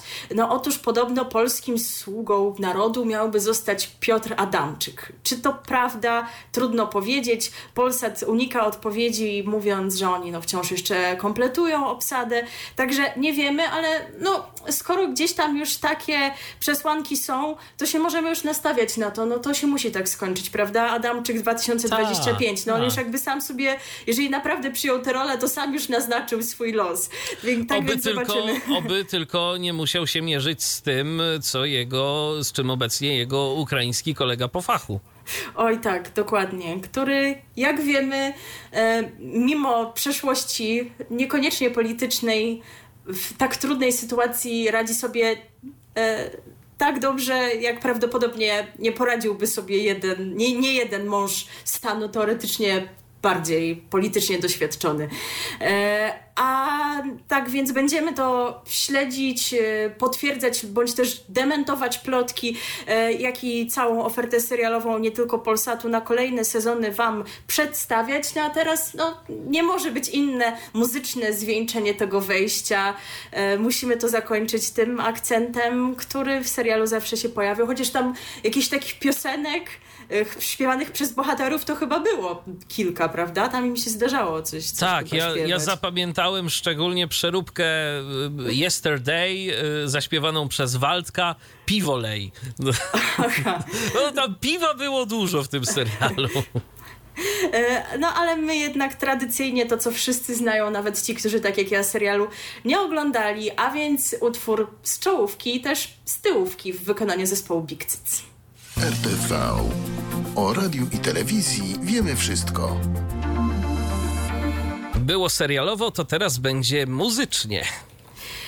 Tak jest, ale zostajemy w Polsacie, chociaż e, ta informacja, którą Wam teraz przekażemy, to wydarzenie, o którym będę mówiła, kojarzyć by się mogło właściwie bardziej z TVN. No tak. Bo to stacja TVN przez kilka lat emitowała e, koncert z festiwalu Wodecki Twist Festival, który odbywa się w Krakowie już od kilku lat. E, po raz pierwszy chyba już rok po śmierci Zbigniewa Wodeckiego został zorganizowany i na pewno dwa takie koncerty w TVN nie pamiętam. Później nie mam pewności, czy w ogóle jakakolwiek telewizja to pokazywała. Jakoś mi to umknęło. W każdym razie teraz koncert trafił do Polsatu i pod tytułem Uroczysty Wodecki zostanie pokazany już dziś wieczorem. Tak, nie, nie pomyliłam się, mimo tego, że u nas jest piątek, a u Was sobota, to mówię o tym z Waszej perspektywy, więc dziś wieczorem w sobotę będziecie mogli sobie to obejrzeć, a właściwie przede wszystkim posłuchać. A więc czego można się spodziewać? No już się wszyscy zapewne domyślają, że piosenek e, Zbigniewa Wodeckiego, no ale w jakim opracowaniu, kto wystąpi i co takiego nas czeka, już wyjaśniam. Repertuar koncertu Uroczysty Wodecki obejmie piosenki z lat 70. i 80., a więc wynika stąd, że nie będzie późniejszych utworów artysty, co nam eliminuje na pewno kilka ciekawych piosenek, więc trochę szkoda, ale może to tylko tak w tej zapowiedzi prasowej napisano. Być może rzeczywiście oczywiście repertuar wykroczy poza ten zakres, no ale nie zmienia to faktu, że mają być to utwory uwielbiane przez y, wszystkie pokolenia słuchaczy, grane i wspominane do dziś. Motto gali poświęconej legendzie polskiej muzyki rozrywkowej to przyjaźń. Zbigniew Wodecki miał niezwykłe szczęście do przyjaciół, a wśród wykonawców będzie wielu z nich. Potężna dawka emocji czekać nas będzie od samego początku, kiedy to Alicja Majewska zaśpiewa jeden z najsłynniejszych przebojów Wodeckiego Lubię wracać tam, gdzie byłem. Zobaczymy, czy zaśpiewa byłem, czy byłam. Czy byłam? No właśnie. Bo tam, wtedy, te, tam, tam cały trzeba by było trzeba sporo pozwięć. No to chyba, że taki no, nowoczesny, otwarty Nie, no, nie no, mo, mo, można to odwrócić jak najbardziej, No żeby tak. to było kobiecym tekstem, tylko właśnie nie wystarczy zamiana tego jednego słowa. E, nie zabraknie pszczółki Mai, którą brawurowo wykona Maciej Maleńczuk. Ja po prostu chyba po to żyję, żeby zobaczyć, jak Maleńczuk śpiewa pszczółkę Maję. Poza tym chałupy w swoim niepowtarzalnym stylu zinterpretuje Ralf Kamiński, więc też może być ciekawie. A aktorski duet Janna Kulik i Maciej Musiałowski zaśpiewa nad wszystko uśmiech Twój. Wystąpią także Krzysztof Zalewski, Ania Rusowicz czy Natalia Schroeder. E, kochane przez Polaków przeboje zyskają nowe, zaskakujące aranżacje autorstwa mistrza batuty Tomka Szymusia. Gospodarzami wieczoru będą Magdalena Miśka-Jackowska, a więc dziennikarka specjalizująca się w muzyce filmowej, chyba przede wszystkim przez wiele lat słyszalna na antenie RMF Classic, no a towarzyszyć jej będzie, skoro jesteśmy w Polsacie, to rzecz jasna Krzysztof Ibisz. Scenariusz widowiska zbudowany jest wokół wspomnień o artyście. Nie zabraknie łez wzruszenia, ale też fantastycznego poczucia humoru, z którego słynął Zbigniew Wodecki. No ja tutaj czekam na jakieś fajne anegdoty, bo te koncerty w TVN były właśnie tak e, tworzone, że tam jakiejś konferencjerki to nie było za bardzo, tylko właśnie między piosenkami słyszeliśmy jakieś e, anegdoty czy refleksje, e, które nagrano, kiedy właśnie przedstawiał je pan Zbigniew, tak więc liczę, że tutaj również zostaną nam pokazane jakieś nieznane nam dotąd archiwalia z jego udziałem. Transmisja koncertu uroczysty Wodecki, tak jak wspomniałam, dziś o godzinie 20 na antenie telewizji Polsat, a wydarzenie transmitowane z Centrum e, kongresowego w Krakowie będzie kulminacją pięciolecia festiwalu Wodecki Twist oraz 45-lecia debiutanckiej płyty Zbigniewa Wodeckiego z 1976 roku. E, To jest ta płyta, która została odkryta na nowo dzięki reedycji z udziałem zespołu Mitch and Mitch. E, A z okazji festiwalu organizowanego przez Fundację imienia Zbigniewa Wodeckiego piosenki artysty rozbrzmiewają w Krakowie w dniach 10-12 czerwca. Tak więc być może trafiliście już na jakieś festiwalowe wydarzenia albo planujecie trafić jeszcze w niedzielę. Jesteśmy bardzo ciekawi. Kto wie, może Was zachęcimy do jakichś poszukiwań w tym zakresie, jeżeli jesteście lub będziecie w Krakowie w ten weekend. No, a u nas nie mogło być inaczej. Oczywiście zabrzmi utwór w wykonaniu samego mistrza. Któryś e, z tych, tak postanowiliśmy, że będzie to któraś z tych piosenek, która e, zagości w tym dzisiejszym koncercie, ale nie chcieliśmy, żeby to był taki oczywisty wybór jak Chałupy, czy Pszczółka Maja, czy Lubię Wracać, a więc będzie Na utwór... pszczółkę Maję poczekajmy na Maleńczuka. Tak, tak. A więc będzie utwór też znany jak najbardziej, ale może troszeczkę mniej pamiętany niż te największe przeboje, a więc nad wszystko uśmiech twój. Radio DHT.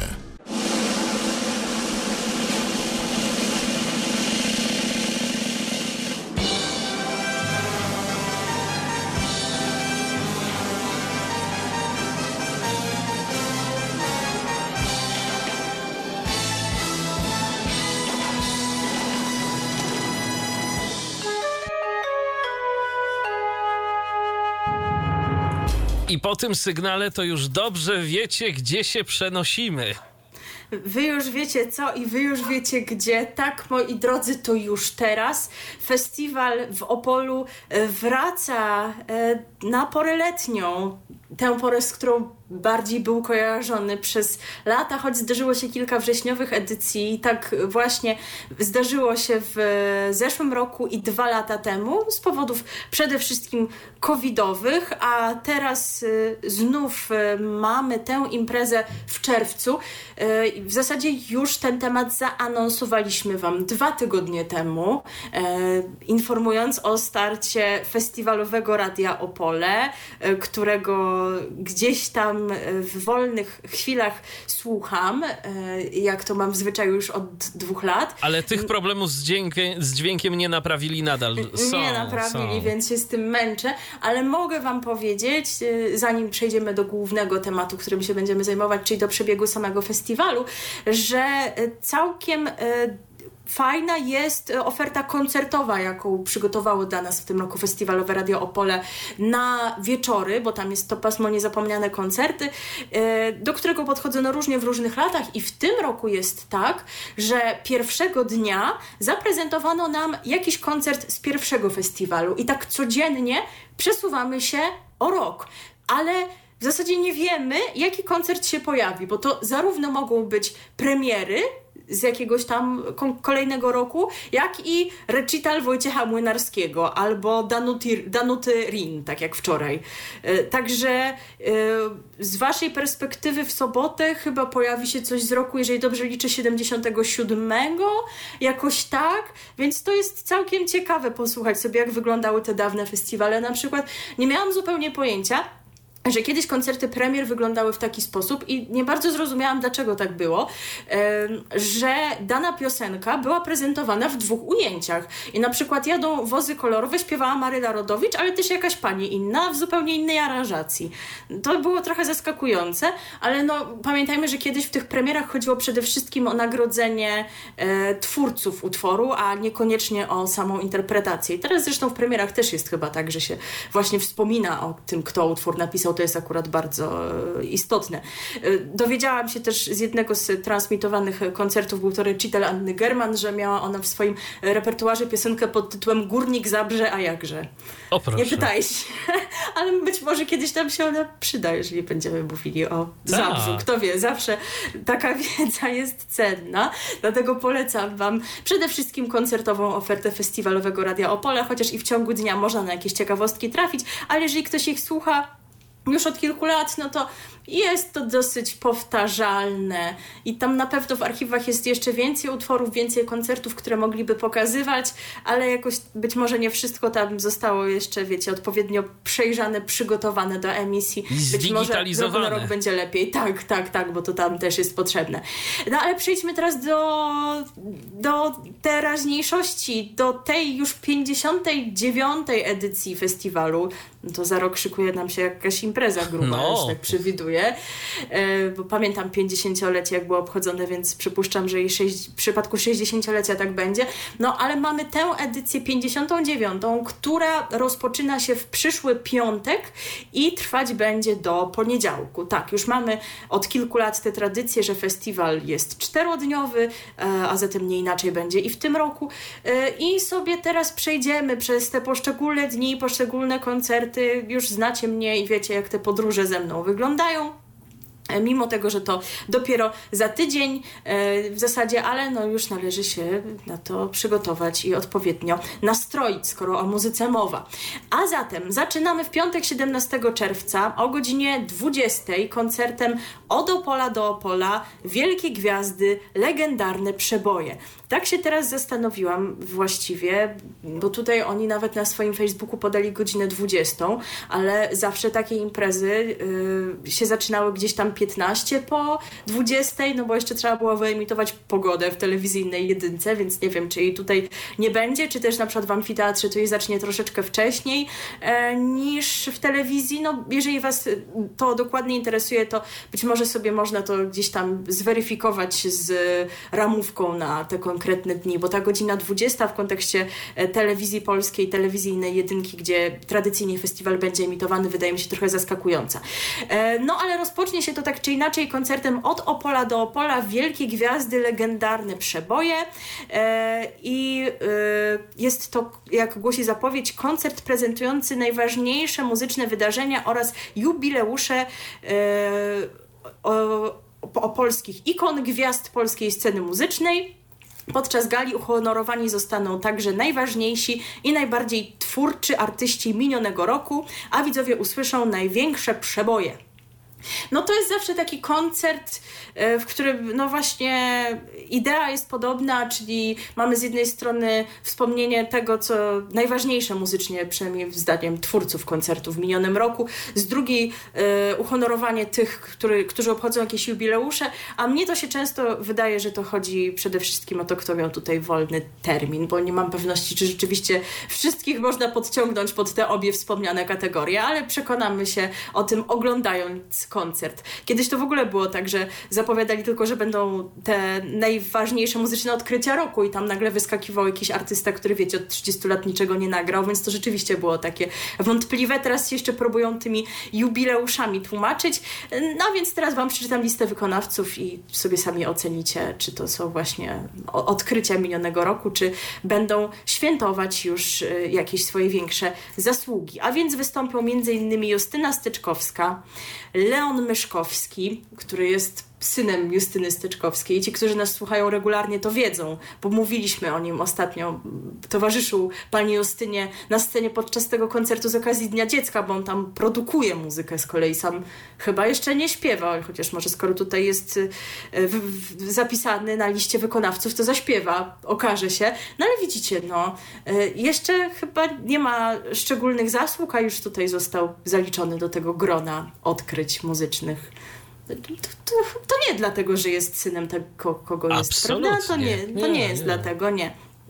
Halina Frąckowiak, Katarzyna Cerekwicka, Stanisława Celińska, Sławomir Vox. W zasadzie powinnam to w odwrotnej kolejności przeczytać, bo będzie dwóch Sławomirów. Jeden ten Sławomir Zapała, a drugi Sławek Kuniatowski. Już się bałem, że Świeżyński nam nagle wyskoczy, ale je, jeszcze nie, tak źle jeszcze nie jest. To nie jest ten etap.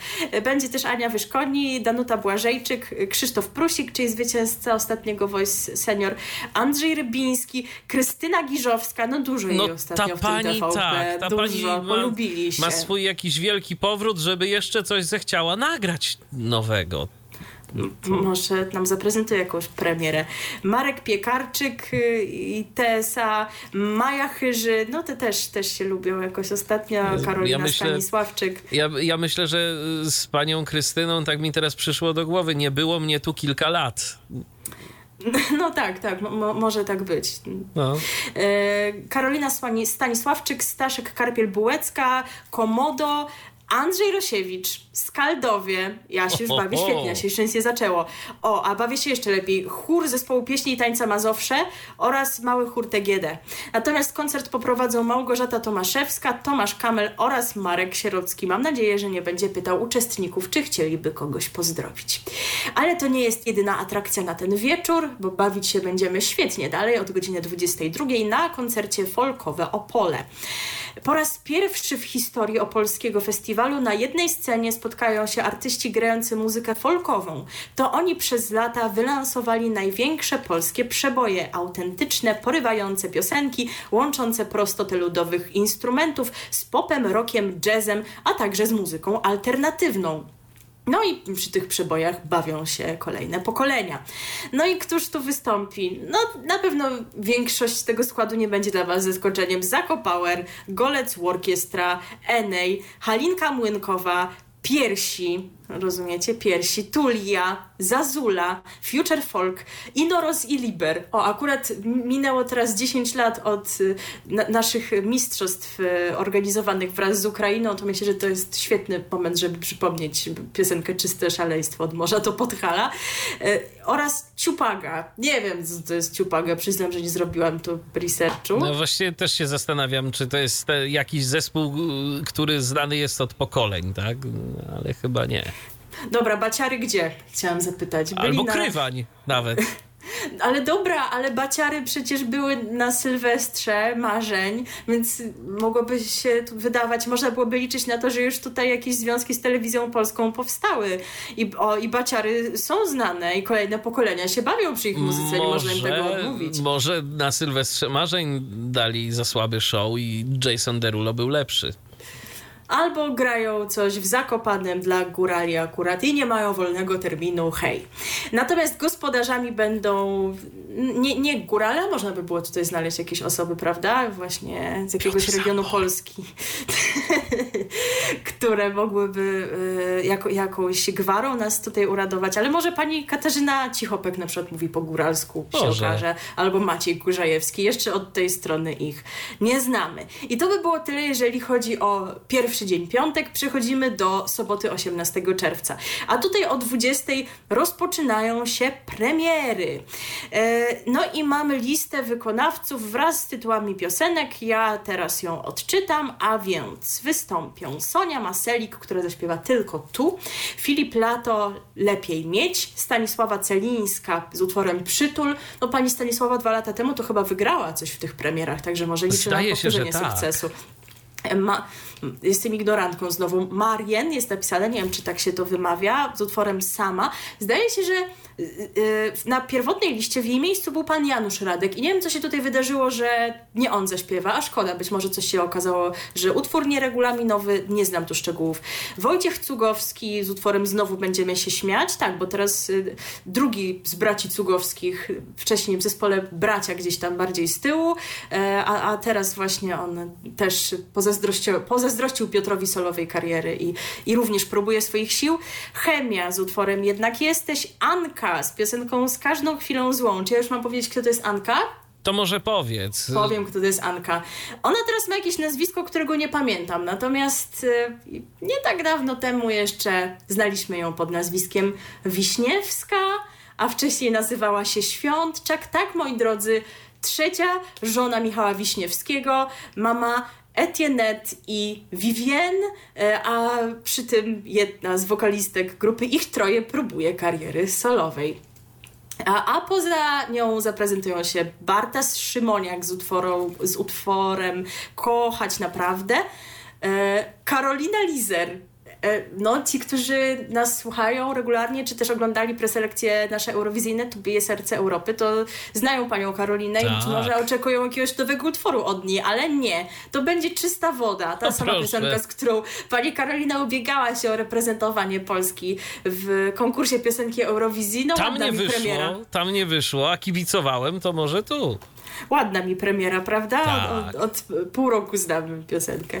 E, I Sabina Szewczyk z piosenką Arkadia. Wydaje mi się, że pani Sabina była rok temu w debiutach e, i była tam jako reprezentantka wybrana przez y, Narodowe Centrum Polskiej Piosenki w Opolu, y, więc i, i, nawet ta jej piosenka była wtedy całkiem interesująca i chyba to jest ta sama osoba, która teraz odnosi jakieś y, niesłychane sukcesy na liście przebojów trójki, tak mi się przynajmniej wydaje, więc być może kojarzycie, ja znam tylko tę piosenkę z debiutów Arkadii, jeszcze nie znam. E, no właśnie, bo my przesłuchaliśmy piosenki, e, które zostały zakwalifikowane do koncertu premier, a przynajmniej te, które dostępne są w internecie, bo jeszcze na razie e, niestety nie opublikowano wszystkich utworów.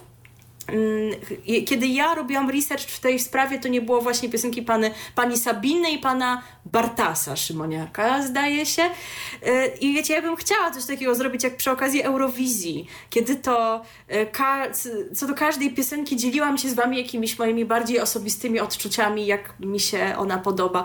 Ale w tym przypadku, wybaczcie, ale to wszystko mi się strasznie zlewa. I ty Owszem, chyba masz podobnie. Ja mam podobnie. Jeszcze ewentualnie jakoś z tego... Oczywiście z... czysta woda. No, tak, no to, to wiadomo, tak, ale z tych rzeczywistych premier, no to jeszcze jakoś się broni Sonia Maselik, e, przynajmniej moim zdaniem, ale też to nie jest... No, to jest na zasadzie, jak już muszę coś wybrać, to, to, to ewentualnie bym głosował na nią, ale to tak bez jakiegoś większego entuzjazmu bardzo ten poziom jest taki równy, ale w mojej opinii, bo możecie mieć oczywiście zupełnie inną, jak już się z tym wszystkim zapoznacie, równy właśnie nie w tę pozytywną stronę. Jak dla mnie, jeżeli mam się odnosić do mojego gustu, to tam jest czysta woda i długo nic, ale no mówię, to jest, to jest subiektywne moje odczucie na temat tych utworów, a jeszcze nie znam dwóch, także być może mnie one zaskoczą. A poza tym koncert urozmaicą występy Krystiana Ochmana, czyli zesz zeszłorocznego laureata, zdobywcy nagrody imienia Karola Musioła oraz Natalii Zastępy, która była zdobywczynią nagrody jury w zeszłorocznym koncercie premiery. E, natomiast w roli prowadzących pojawią się Agnieszka Oszczyk i Tomasz Kamel. My sobie zgodnie z naszą kilkuletnią już tradycją wrócimy do tego repertuaru koncertu premier, e, ale to za moment, bo jeszcze słowo o tym, co w sobotę o 22 nas czeka, a będzie to koncert pod tytułem Dziewczyna szamana 50. urodziny Justyny Steczkowskiej. Tak, moi drodzy, Justyna Steczkowska ma już 50 lat, a ponoć nie wygląda. No i też nie brzmi.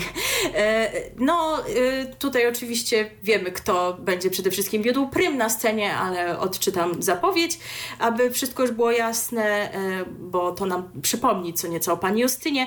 W czasie swojej wieloletniej kariery Justyna Steczkowska wydała 17 albumów studyjnych i zagrała tysiące koncertów w Polsce i za granicą. Zdobyła najważniejsze nagrody muzyczne, ma m.in. sześć Fryderyków i dwa Wiktory. Jej jubileuszowy recital nie mógłby odbyć się w innym miejscu niż scena Opolskiego Amfiteatru. Właśnie tutaj w 1994 roku zdobyła nagrodę imienia Anny Jantar, a Irena Santor wypowiedziała o niej często powtarzane pamiętne słowa nie zgubmy tej perły. Zanim po raz pierwszy Justyna Steczkowska stanęła przed opolską publicznością, wygrała jeden z najbardziej kultowych programów telewizji polskiej, czyli Szansę na sukces. No i to właśnie, to właśnie jej e, zapewniło udział w debiutach. W zasadzie e, no, historia gdzieś tam się toczy kołem, bo teraz też mamy takich uczestników debiutów, którzy właśnie za sprawą szansy na sukces wywalczyli sobie udział w tym koncercie, ale do debiutów przejdziemy sobie za moment. Przy okazji jeszcze małe sprostowanie, bo tak telewizja polska nie do końca wie, co pisze, bo oni na swoim Facebooku napisali, że Justyna Steczkowska w tym 94 roku dostała Grand Prix. No nie, moi drodzy, ona dostała właśnie nagrodę imienia Anny Jantar, bo wygrała debiuty. Sprawdziłam to jeszcze, bo coś mi tutaj nie pasowało. E, Grand Prix nie przyznawano, chyba się wciąż nie przyznaje debiutantom, wtedy je dostał Ryszard Rynkowski akurat, jeżeli internet nie kłamie. E, nie, mówię tego po to, żeby się ich czepiać, tylko po to, że sama tele, żeby wam uzmysłowić, że sama telewizja polska w swoich informacjach prasowych promujących takie duże wydarzenie robi błędy i gdzieś tam może nie w każde słowo zawsze warto e, wierzyć. Jeżeli coś Wam się nie zgadza, jeżeli chodzi o faktografię, to warto to sprawdzić samemu. Tak jak powiedziałam, wrócimy do debiutów sobie za moment, ale teraz muzycznie wrócimy do premier. E, no, tak jak już powiedzieliśmy, naszą ulubioną piosenką jest w tym zestawie premierowym zdecydowanie Czysta Woda, ale ona już była na naszej antenie, więc może nie chcielibyśmy się powtarzać, bo cenimy sobie różnorodność. I tak sobie pomyśleliśmy, że jest bardzo prawdopodobne, iż w gronie naszych słuchaczy są jacyś fani zespołu Ich Troje. Czy są tu fani zespołu Ich Troje? Wpisujcie miasta. E, I być może ci fani są ciekawi, jak jedna z wokalistek tego zespołu, ona chyba wciąż jakoś tak się zdarza z nimi śpiewać. Ja już się pogubiłam, kto tam jest teraz na stałe, ale ona występowała na przykład właśnie z Michałem Wiśniewskim w czasie tego koncertu z okazji Dnia Dziecka. Y, chyba, także tam jakaś współpraca cały czas jest, ale nie przeszkadza to pani Ani, czy w zasadzie Ance, bo jako Anka teraz występuje, próbować yy, rozpoczynać kariery solowej, na którą jak widać nigdy nie jest za późno. A więc teraz posłuchamy sobie jej opolskiej premiery zatytułowanej Z każdą chwilą złą. RTV. O radiu i telewizji wiemy wszystko. No to Anka nam pośpiewała, a my dalej jesteśmy w Opolu. Tak, i muszę jeszcze wrócić na moment do premier, ponieważ Michał powiedział poza anteną, że te piosenki takie krótkie są dosyć, takie eurowizyjne, jeżeli chodzi o czas trwania. No i właśnie do Eurowizji teraz nawiążę. myślicie, że już mamy jakiegoś hopla zupełnego, ale chodzi o system głosowania, który został przyjęty w tegorocznych premierach. No bo zawsze w premierach jest tak, że swojego laureata wybiera publiczność yy, i nim był w zeszłym roku, zdaje się, Christian Ochman. Natomiast yy, yy, oprócz tego jest jeszcze jurorska komisja. I w tym roku w zasadzie nie będziemy mieć jednej jurorskiej komisji tylko komisję regionalne, sobie wyobraźcie. I będziemy się z nimi łączyć, z poszczególnymi miastami wojewódzkimi, gdzie są ośrodki telewizji polskiej Naprawdę? i będą prezentowane punkty. Naprawdę jest to właśnie y, podawane w taki sposób i gdzieś tam kojarzone z tym, że jest to stworzone na wzór Eurowizji. No bo, no wiemy, tak? Kojarzymy, jak wygląda system podawania punktów na Eurowizję, że się łączymy z poszczególnymi krajami i tam są podawane punkty y, od komisji y, krajowych. No tak. A tutaj będziemy mieć k- punkty od komisji regionalnych. Tak. No to na pewno będzie szalenie emocjonujące, nie można powiedzieć, że nie. E, Więc ja jestem dosyć podekscytowana. E, Natomiast m- mnie się to skojarzyło z czymś, co już miało miejsce na festiwalu opolskim. Jeżeli ktoś z Was oglądał film o Krzysztofie Krawczyku pod tytułem Całe moje życie, to kojarzy, nie pamiętam, który to był dokładnie rok, ale jakoś druga połowa lat 80., że organizowano w Opolu plebiscyt na chyba najlepszego wykonawcę roku, czy coś w tym rodzaju. I też właśnie były łączenia z ośrodkami regionalnymi i też y, były właśnie podawane od nich punkty. M- Być może pomyśleliście teraz, to już u nas była taka technologia w 80 latach, że było takie przedsięwzięcie, łączono się z poszczególnymi ośrodkami lokalnymi na żywo, co to za wydarzenie. No się okazuje, że nie do końca tak, bo menadżer Krzysztofa Krawczyka, Andrzej Kosmala mówi o tym wprost, że no to było trochę oszukane. Te łączenia nie były wtedy na żywo, bo bali się to zrobić w ten sposób. To było za duże ryzyko, że coś nie pójdzie, więc łączenia były nagrane wcześniej, a potem wyemitowane w czasie koncertu i udawano, że to jest na żywo. Na żywo. Aha, aha. No, Poza tym, no wiesz, je, jeszcze no, mieliby ryzykować, że na przykład jakaś solidarność im się wetnie w to połączenie, prawda? No, Oj, tak, to prawda, bo to przecież te czasy. takie czasy były. Tak. No ale teraz już czasy są inne i takie łączenia wydają się standardem, także Chociaż też się ktoś może wciąć. No nie jest to wykluczone, tak czy inaczej emocji, jak sądzę, nam nie zabraknie. Natomiast chyba bardziej tradycyjnie będzie w przypadku koncertu debiuty, bo jak sądzę, tutaj będziemy mieć jedną komisję, e, no i przede wszystkim głosy widzów. E, Nie słyszałam, żeby tutaj planowali jakieś rewelacje, jeżeli chodzi o system głosowania. Koncert debiuty rozpocznie się w sobotę o godzinie 23. E, No zawsze te debiuty są jakoś tak późno, bo chyba cieszą się najmniejszym zainteresowaniem, ale jak te debiuty są w zasadzie godzinę po premierach i w tych premierach nie wszyscy wykonawcy też są jakoś super zdani, to już ludzie się pogubią, co jest z debiutem, premierą, a co jest premierą. Tak, tak, tak. Bo jakoś powiedzmy Sonia Maselik też jeszcze nie ma super dużych osiągnięć poza uczestnictwem w szansie na sukces, więc w zasadzie no to chyba był wybór po prostu uczestników, czy chcieli się zaprezentować jako debiutant, czy właśnie ze swoją piosenką w koncercie premiery. Ale przechodzimy do tych debiutantów którzy będą walczyć o nagrodę Karolinki imienia Anny Jantar już po raz 40. A w koncercie weźmie udział 10 wykonawców wyłonionych według następujących zasad. Sześcioro wskazała Rada Programowa y, Krajowego Festiwalu Polskiej Piosenki w Opolu. Y, dwie osoby to zwycięzcy programu Szansa na sukces, czyli jeden laureat edycji jesiennej, jeden edycji wiosennej. Jedna osoba została wybrana spośród laureatów Festiwalu Zaczarowanej Piosenki. Teraz uwaga, bo Festiwal Zaczarowanej Piosenki nie odbył się w tym roku.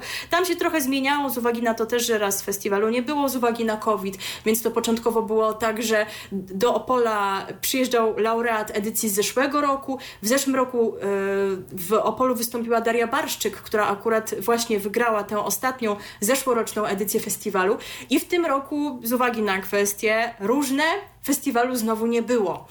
I wydawało się, że w związku z tym, że nie będzie uczestnika, który za sprawą zaczarowanej piosenki trafi na tę listę debiutantów, no bo jakże to, skoro to zwycięstwo miało premiować, prawda, do udziału w koncercie w Opolu. E, Tymczasem e, stało się inaczej i wytypowano laureatkę drugiego miejsca zeszłego roku, czyli Amelię Dubanowską i to ona będzie zaczarowaną piosenkę reprezentować. Jakbyście pytali, bo przede wszystkim wiem, że naszych niewidomych widzów to może interesować, jaką ona ma niepełnosprawność, to powiem, że to jest celiakia, czyli to, że nie może jeść produktów z glutenem pozostawiam własnej ocenie, e, co jest niepełnosprawnością, a co jest chorobą, no ale tak to już po prostu je- jest w tych naszych kategoriach, że również i celiakia jest niepełnosprawnością. No i ona jest twoją krajanką, Michale, zdaje się, bo jest z Biskupca, to gdzieś koło Iławy chyba, prawda? E, no tak, jest, jest biskup, jest niedaleko Iławy. Tak jest. E, I oprócz tego i jednego uczestnika koncertu wytypowało miasto Opole. To też jest coroczna tradycja. E, no i teraz znów mamy listę piosenek, listę uczestników, więc Wam ją zaprezentujemy, a potem nasz e, znów krótki komentarz. Na scenie zadebiutują Kaja Gniecioszek z utworem Głowa do góry, Znów nie wiem, jak to przeczytać. Tam była Marien, a tu jest Marie jest napisane. No to Marii pewnie jakaś, z utworem Baby Hands, ale to spokojnie. Polski festiwal to będzie piosenka po polsku, żeby nie było to tytuł tylko taki. Magdalena Mek-Krzemień zaśpiewa od dzisiaj. Weronika Szymańska, yy, ona chyba była w którymś wojsie, zaśpiewa Pióra. Magdalena Mek-Krzemień też chyba tam o kilka talent show się obiła. Basia Gąsienica-Giewont z utworem, no właśnie, jak już widziałam w niektórych źródłach, niektórzy przepisy opisują ten tytuł jako nie będę, bo myślą, że na oficjalnej liście jest literówka. A mnie się jakoś tak od razu skojarzyło, że Basia jest przecież góralką, więc ten tytuł brzmi tak, jak jest napisane, czyli nie, nie będę. Tak, bo rzeczywiście Basia jak się przekonacie, za chwilę łączy w swojej piosence wpływy góralskie z nowoczesnością. No i możecie też ją kojarzyć na przykład z, z, szansy na sukces e, eurowizyjnej w 2020 roku. Anna Chnatowicz też chyba jakiś talent show mi się wydaje. Naucz mnie żyć od nowa. Wspominana już Amelia Dubanowska z piosenką Ortygia. Dalej mamy Franciszka Barnowskiego, czyli laureata jesiennej szansy na sukces z piosenką Dom, laureata y, szansy wiosennej Wiktora Kowalskiego z piosenką Co dnia. Jak ktoś oglądał szansę, to wie, że to jest ten pan, co operowo śpiewał, więc zobaczymy w jakiej tutaj nam się zaprezentuje stylistyce. A tę ostatnią nazwę to ja nie mam pojęcia jak przeczytać. Ktoś coś wie? Bo to się pisze z 2S, K, J, E, G, G więc w ogóle nie próbuję nic. Y, tytuł brzmi Odżyje, przynajmniej po polsku, i oni są właśnie laureatami konkursu Narodowego Centrum Polskiej Piosenki w Opolu. Mm, w przypadku tej listy, no znów y, część utworów dostępnych jest już w internecie, ale nie wszystkie i chyba mniej niż jeżeli chodzi o tak, ten skład premier. Zdecydowanie mniej. Natomiast tego, co się dało, to posłuchaliśmy i znów nie ma wiele do powiedzenia, bo A ja to, to mam, czego wysłuchałam... Ja to mam jeszcze mniej, bo tak naprawdę nic mi się tu nie podoba. Bo to, czego wysłuchałam, bardzo mi się zlało w jedno, więc na ten moment trudno mi o jakiegoś faworyta. No ale ponieważ wciąż nie znamy kilku utworów, to liczę, że ktoś mnie tutaj miło zaskoczy. E, a poza tym podczas koncertu wystąpią e, Anna Byrcyn, czyli zeszłoroczna laureatka nagrody imienia Anny Jantar oraz gościnnie Ania Rusowicz, Iza Zalewska, Jan Traczyk, Kamil Kamil Czeszel, a więc mamy laureatów debiutów z lat ubiegłych, z zeszłego roku, sprzed dwóch lat, Tadeusz Seibert, Marcin Sujka, Filip Lato i Karolina Stanisławczyk, a więc no, taki zróżnicowany skład i laureaci debiutów i po prostu popularni obecnie wokaliści. E, no można tutaj zapytać, czy więcej was matka nie miała, ale skoro jest napisane, że gościnnie wystąpią, to być może w jakimś, wiecie, medleju, czy, to, czy też wiązance, jak się mówi po polsku. E, jurorzy wyłonią zdobywcę nagrody imienia Anny Jantar, czyli Karolinki. Natomiast nagrodę publiczności otrzyma zwycięzca wyłoniony oczywiście w głosowaniu SMS-owym telewidzów. A prowadzący to tym razem Ida Nowakowska i Tomasz Wolny. Przechodzimy sobie do niedzieli 19 czerwca, kiedy to o 20 rozpocznie się koncert Tych lat nie odda nikt 70 lat telewizji. Mnie się to już jakoś kojarzy chyba z tym, co było w zeszłym roku, bo tam mieliśmy jakiś taki koncert, melodię, coś tam małego ekranu i tam było w zasadzie sporo odniesień do historii telewizji polskiej, głównie do seriali, no bo wiadomo, że tak najprościej e, komentować te telewizje, e, te historie telewizji piosenkami właśnie z pro produkcji serialowych, bo tam najwięcej było muzyki. Także zobaczymy, jakim kluczem pójdą tutaj, bo nie sądzę, żeby chcieli dokładnie powtórzyć to, co było rok temu. E, co mamy w zapowiedzi? Przez wiele lat telewizja polska była oknem na świat dla większości Polaków. Kreowała nie tylko gwiazdy i przeboje, ale też mody, trendy, zwyczaje, często słowa, ale też całe powiedzenia, które później wchodziły do języka codziennego. No na pewno tak było, akurat teraz trudno mi jakieś takie powiedzenie przywołać, ale jak macie coś w pamięci, to możecie nam przypomnieć w komentarzu. Do tych sentymentów będzie nawiązywał koncert z okazji 70-lecia TVP. To już tyle lat która swój premierowy program nadała 25 października 1952 roku. A wystąpią na scenie m.in. Maryla Rodowicz, wreszcie, no to już trzeciego dnia festiwalu Czas Najwyższy, Krzysztof Cugowski, Partita, Jan Pietrzak, ja już się świetnie końcu. bawię, nie wiem jak ty. No. Pek, Pektus, Wiki Gabor, Phil, Felicjan Andrzejczak, Halina Młynkowa, Helena Wądraćkowa, a przepraszam bardzo, to jest polski festiwal polskiej piosenki Halo i ona to będzie śpiewała po czesku o malowanym dzbanku Halo. Renata Zaremska. Moi drodzy, czy, czy najmłodsi słuchacze wiedzą, kto to jest Renata Zaremska? Czy w ogóle starsi pamiętają? Do, do najmłodszych się nie zaliczam, ale czy to jest ta pani, która śpiewała o nocy z Renatą? Dokładnie to jest ona. Nie wiem skąd ją wykopali. Anna Wyszkoni, Sand and Grace, Rafał Brzozowski, Janusz Radek, Natasza Urbańska i Maciej Miecznikowski. A jako gospodarze zaprezentują się Tomasz Kamel oraz Karolina Pajączkowska. Być może to drugie nazwisko nie jest Wam znane, bo, e, bo pan Tomasz Kamel no to jest oczywista osoba w tej roli. Natomiast e, panią Karolinę mogą kojarzyć ci, którzy oglądają TVP Info, bo jest tam prezenterką, e, i ci, którzy oglądają TVP World, jeżeli w ogóle istnieją takie osoby. A więc jak widać, no, w trochę innej roli dotychczas, inne dziennikarstwo Tak, to, jest prowadzenie pani, koncertu muzycznego. To jest ta pani, wokół, któ- wokół której jakiś czas temu jakieś kontrowersje były, że ona się e, jakoś niewłaściwie ubrała w trakcie na te relacje, czy źle nosiła kamizelkę. Tak, dokładnie. Od maja Coś- relacjonuje tak. dla telewizji polskiej wojnę w Ukrainie. Dziennikarka za swoje relacje była krytykowana w mediach społecznościowych. Internauci wypominali jej, że zniszczenia wojenne omawiała w pełnym makijażu, czy też miała na sobie nieprawidłowo założoną kamizelkę kuloodporną. Na szczęście tutaj będzie mogła mieć inną, bardziej elegancką stylówkę niż kamizelka kuloodporna. I może jej No to i ten będzie lepiej pasowało. będzie- tak. no i ten makijaż będzie tu bardziej stosowny, także może będzie w swoim żywiole i odkryje, że jednak e, ta dziedzina działalności telewizyjnej jest jej bliższa, ale jak na razie jest w Ukrainie, więc będzie musiała się stamtąd wydostać. I o godzinie 22 Mamy koncert pod nazwą To już lato, czyli wakacyjne opolskie przeboje. Ten koncert wprowadzi widzów w letni wakacyjny nastrój. Festiwal Polskiej Piosenki w Opolu wylansował niejeden letni przebój. To znakomita okazja, by przypomnieć zarówno energetyczne, jak i sentymentalne piosenki, utwory, które znają i kochają wszyscy. Wystąpią m.in. Ryszard Rynkowski, Sławek Uniatowski, Pektus, Katarzyna Cerekwicka, Łukasz Zagrobelny, Jacek Lenartowicz, Kabaret Otto. No spróbowałoby ich tu nie No być. ale no właśnie, przecież- właśnie, właśnie, właśnie, czy, czy w, składzie pełnym?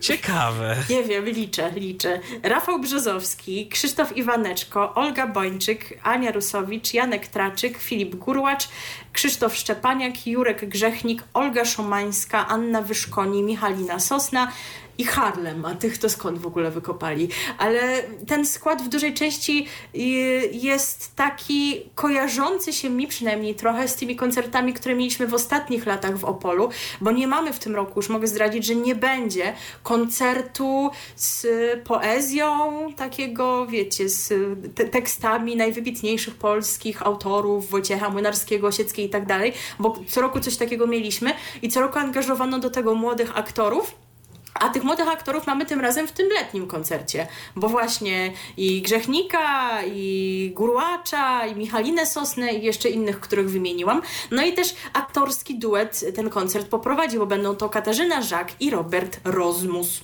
No i to wszystko będzie można oglądać w telewizyjnej jedynce i w TVP Polonia, ale to nie wszystko, bo festiwal, jak już wspominałam, od kilku lat y, ma taką tradycję, że trwa 4 dni i ten ostatni dzień, e, czyli w tym roku poniedziałek 20 czerwca, przeznaczony jest dla tych, którym bliższa jest muzyka alternatywna, bo to właśnie scena alternatywna, e, koncert emitowany w TVP Kultura, w tym roku z podtytułem Romantyczność. Czwartego dnia na swoją antenę zaprasza nie tylko TVP Kultura, ale też TVP Kultura 2, jakby to komuś coś zmieniało.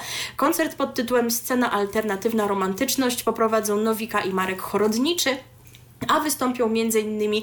Wolska. E, Przyznam, że my znamy jeden utwór pani Wolskiej. No, on się nam całkiem spodobał do tego stopnia, że trafił na naszą antenę i można go regularnie usłyszeć w Radiu Tak DHT, jest. a to już jest, wiecie, nie byle jakie wyróżnienie, bo my tutaj Oczywiście, robimy ostrą, selekcję. Oj, tak. I okej, przyznam, że nie zrobiłam tutaj większej, większego researchu i nie znam jej więcej piosenek, ale to, co znam, mnie się absolutnie nie skojarzyło z alternatywą. I dla mojego ucha było dużo przyjemniejsze niż te propozycje, e, które zabrzmią w koncertach debiutów czy premier. No okej, może jeden tylko nagrała taki utwór, a w pozostałych jakoś szalenie eksperymentuje, co nam pokaże na scenie alternatywnej. Ale to jest tylko dowód na to, że te granice pomiędzy popem a alternatywą, innymi gatunkami są już coraz mniej ostre w dzisiejszych czasach. Będzie też Kiwi, będzie... Ja nie jestem w stanie tych wszystkich nazw przeczytać, także może się nie będę kompromitować. Na przykład będzie Nella i Sting Connection. E, widzowie będą mogli także obejrzeć występ Nowiki z gościnnym udziałem Skubasa i Buslawa. No tych to rzeczywiście znam, ale tych najmłodszych to nie, co już po prostu świadczy o tym, że z jednej strony granice się zacierają, ale z drugiej ja jestem coraz mniej na bieżąco z tym, co zwą alternatywą. E, My sobie za chwilę jeszcze to oczywiście muzycznie skomentujemy, ale jeszcze taka adnotacja na przyszłość, że telewizja polska ogłosiła już harmonogram wakacyjnej trasy dwójki.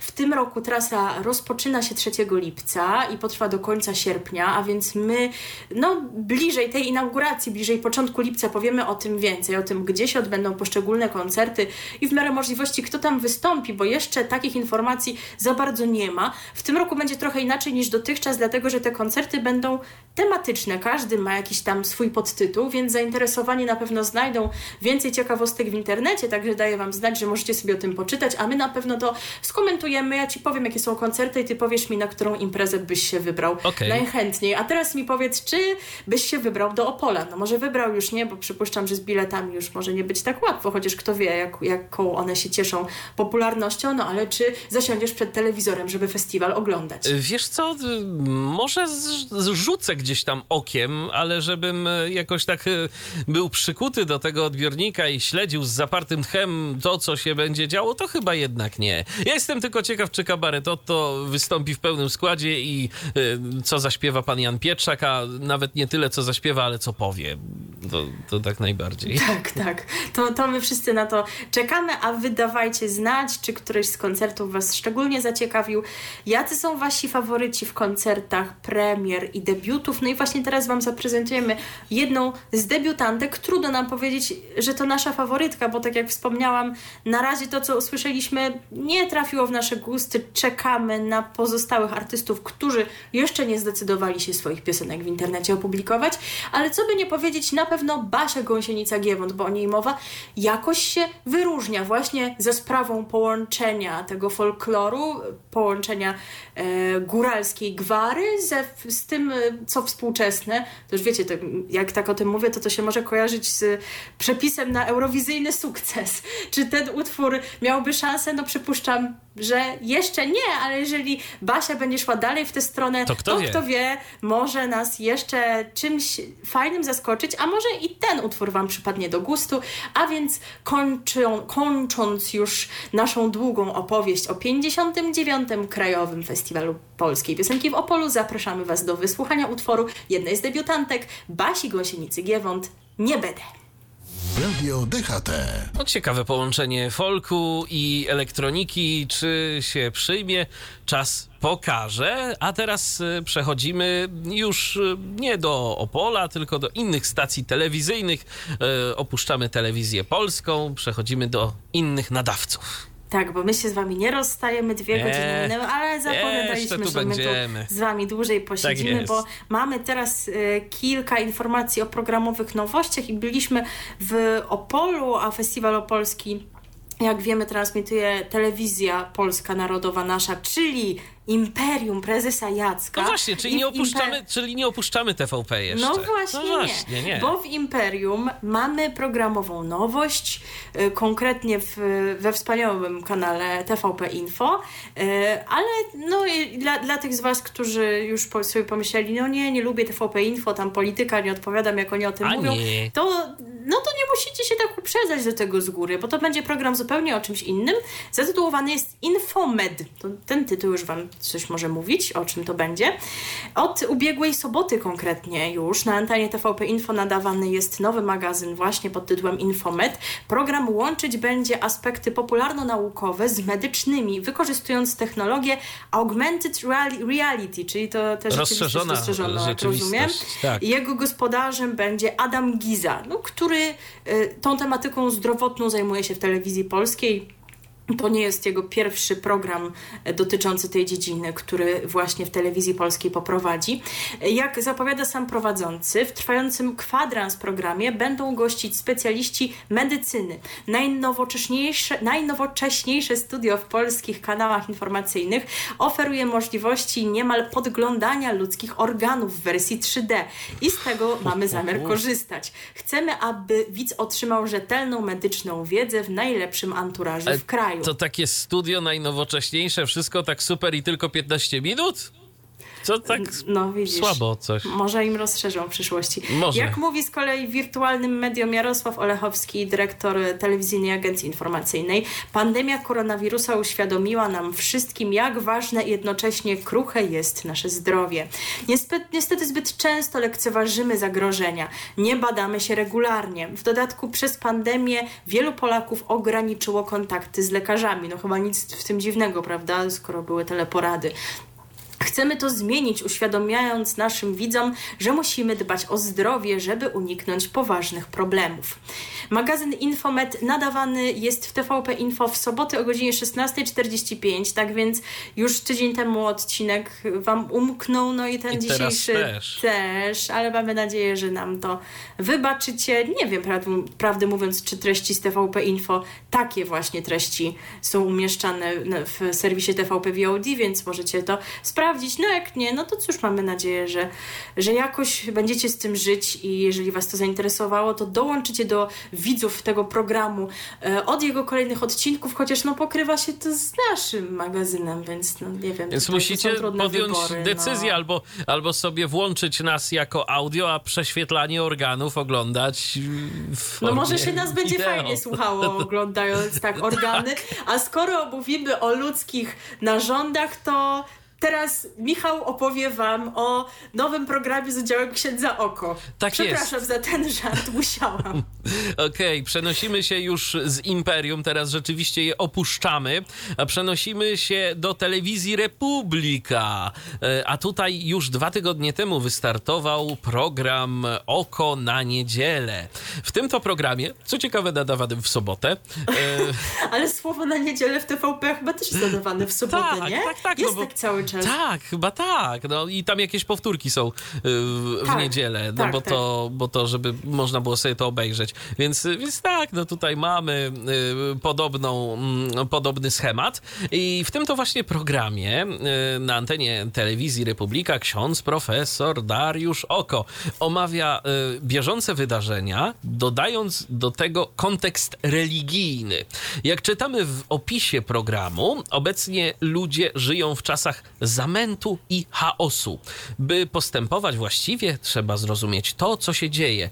Prawda i światło pochodzące od Boga oraz objawione w Jezusie Chrystusie pomagają zrozumieć otaczającą ludzi rzeczywistość. Program jest emitowany w soboty o godzinie 21.50, a powtórkowo w niedzielę o godzinie 14.50. Każdy odcinek będzie trwał i trwa już zresztą niecałe 10 minut. Ja mm, sobie mm, zadałem tego trudu, żeby odnaleźć e, mm, na YouTubie e, program Oko na niedzielę i powiem tak, no treść merytoryczna nie interesowała mnie wcale, natomiast byłem ciekaw jak to jest zrealizowane i zrealizowane jest kiepsko, bo pana oko słychać po prostu źle. No jest, wdzwania się tam do nich po jakimś Skype Skype'ie e, czy innym tego typu komunikatorze jest to słyszane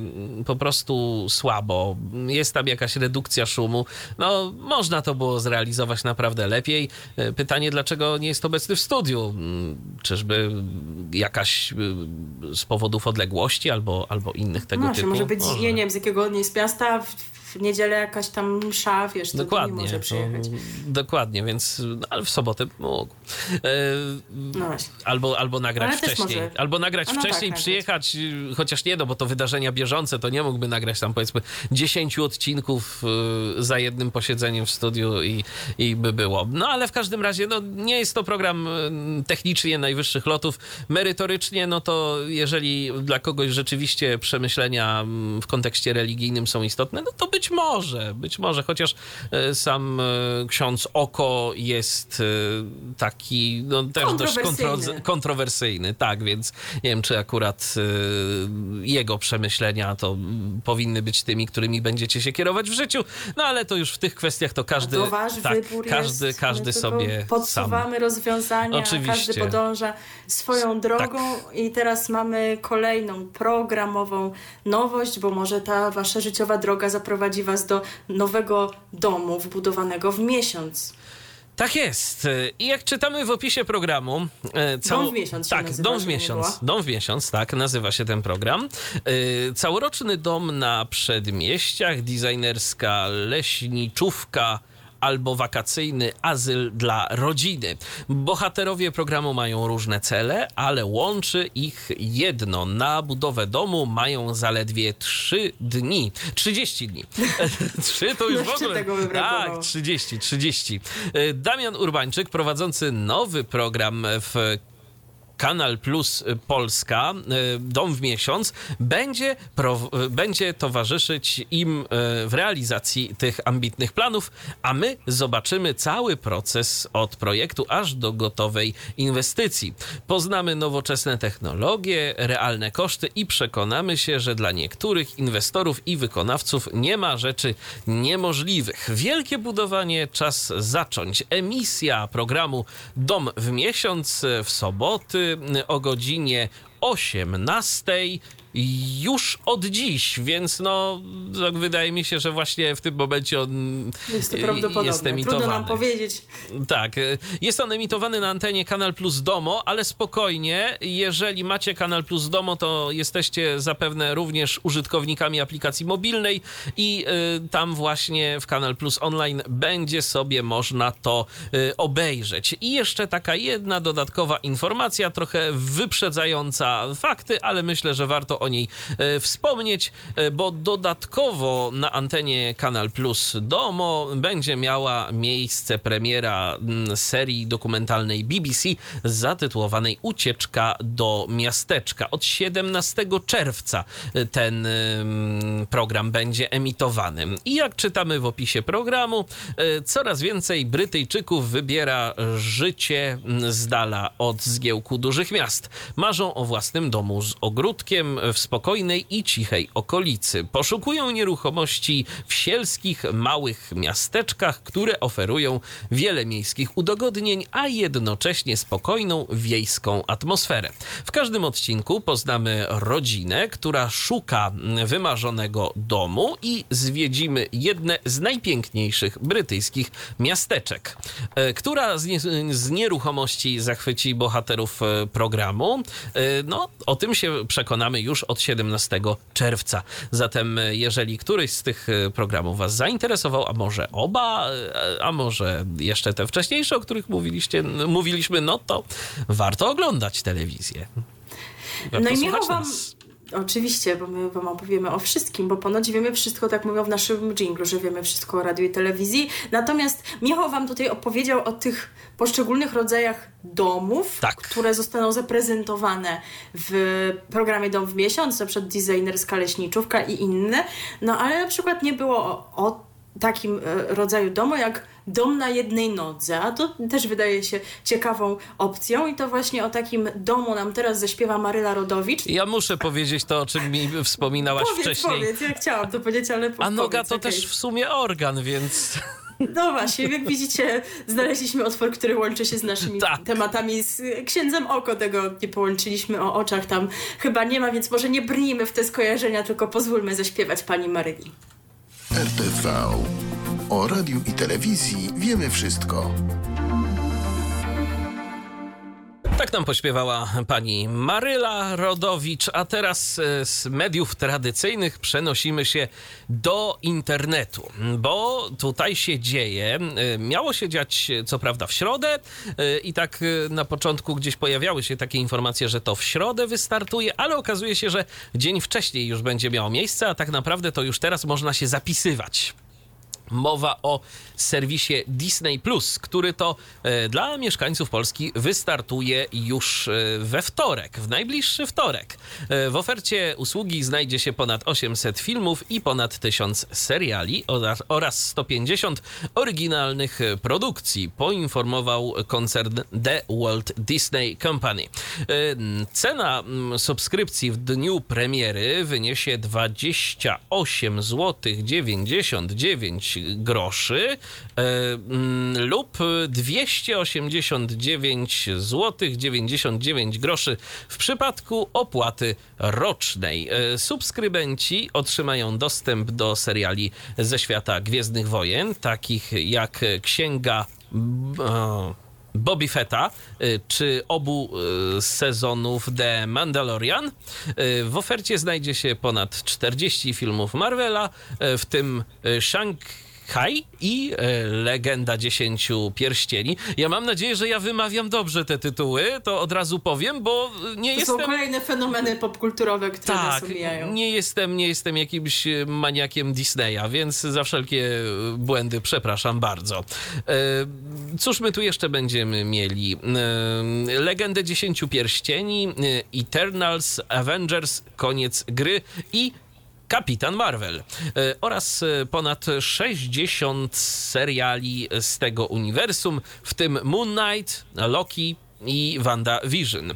Dodatkowo użytkownicy będą mogli oglądać ponad 300 tytułów ze studia Disneya i Pixara, w tym całą mm, serię Toy Story, y, filmy Co w duszy gra, Luka, nasze magiczne Encanto i Cruella. W bibliotece pojawią się także filmy dokumentalne National Geographic, takie jak e, chociażby Na ratunek, Misja w jaskini, Free Solo, e, czy serię Świat według e, Jeffa Goldbluma i Gordon Ramsay Świat na talerzu.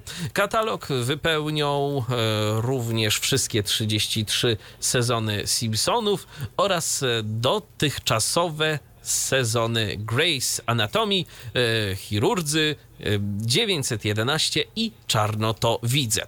I teraz tak, e, co prawda e, mówiliśmy o tym, że serwis startuje e, w, we wtorek, ale już teraz można korzystać ze specjalnej oferty i warto się pospieszyć, e, bo do e, do, do, do poniedziałku właściwie można skorzystać z przedpremierowej oferty powitalnej, e, dzięki której użytkownicy będą mogli używać serwisu wideo przez rok, płacąc, uwaga, uwaga, za 8 miesięcy. Także to myślę, że jest istotna kwestia, jeżeli ktoś ma ochotę przyoszczędzić. I co ciekawe, Disney Plus będzie oferowany także e, abonentom e, cyfrowego Polsatu, czy teraz to się Polsat Box e, Go nazywa, ale w ogóle wszystkim tym mm, użytkownikom, którzy są w jakikolwiek sposób związani z biznesami pana Zygmunta Solorza-Żaka, bo na przykład będzie też taka oferta,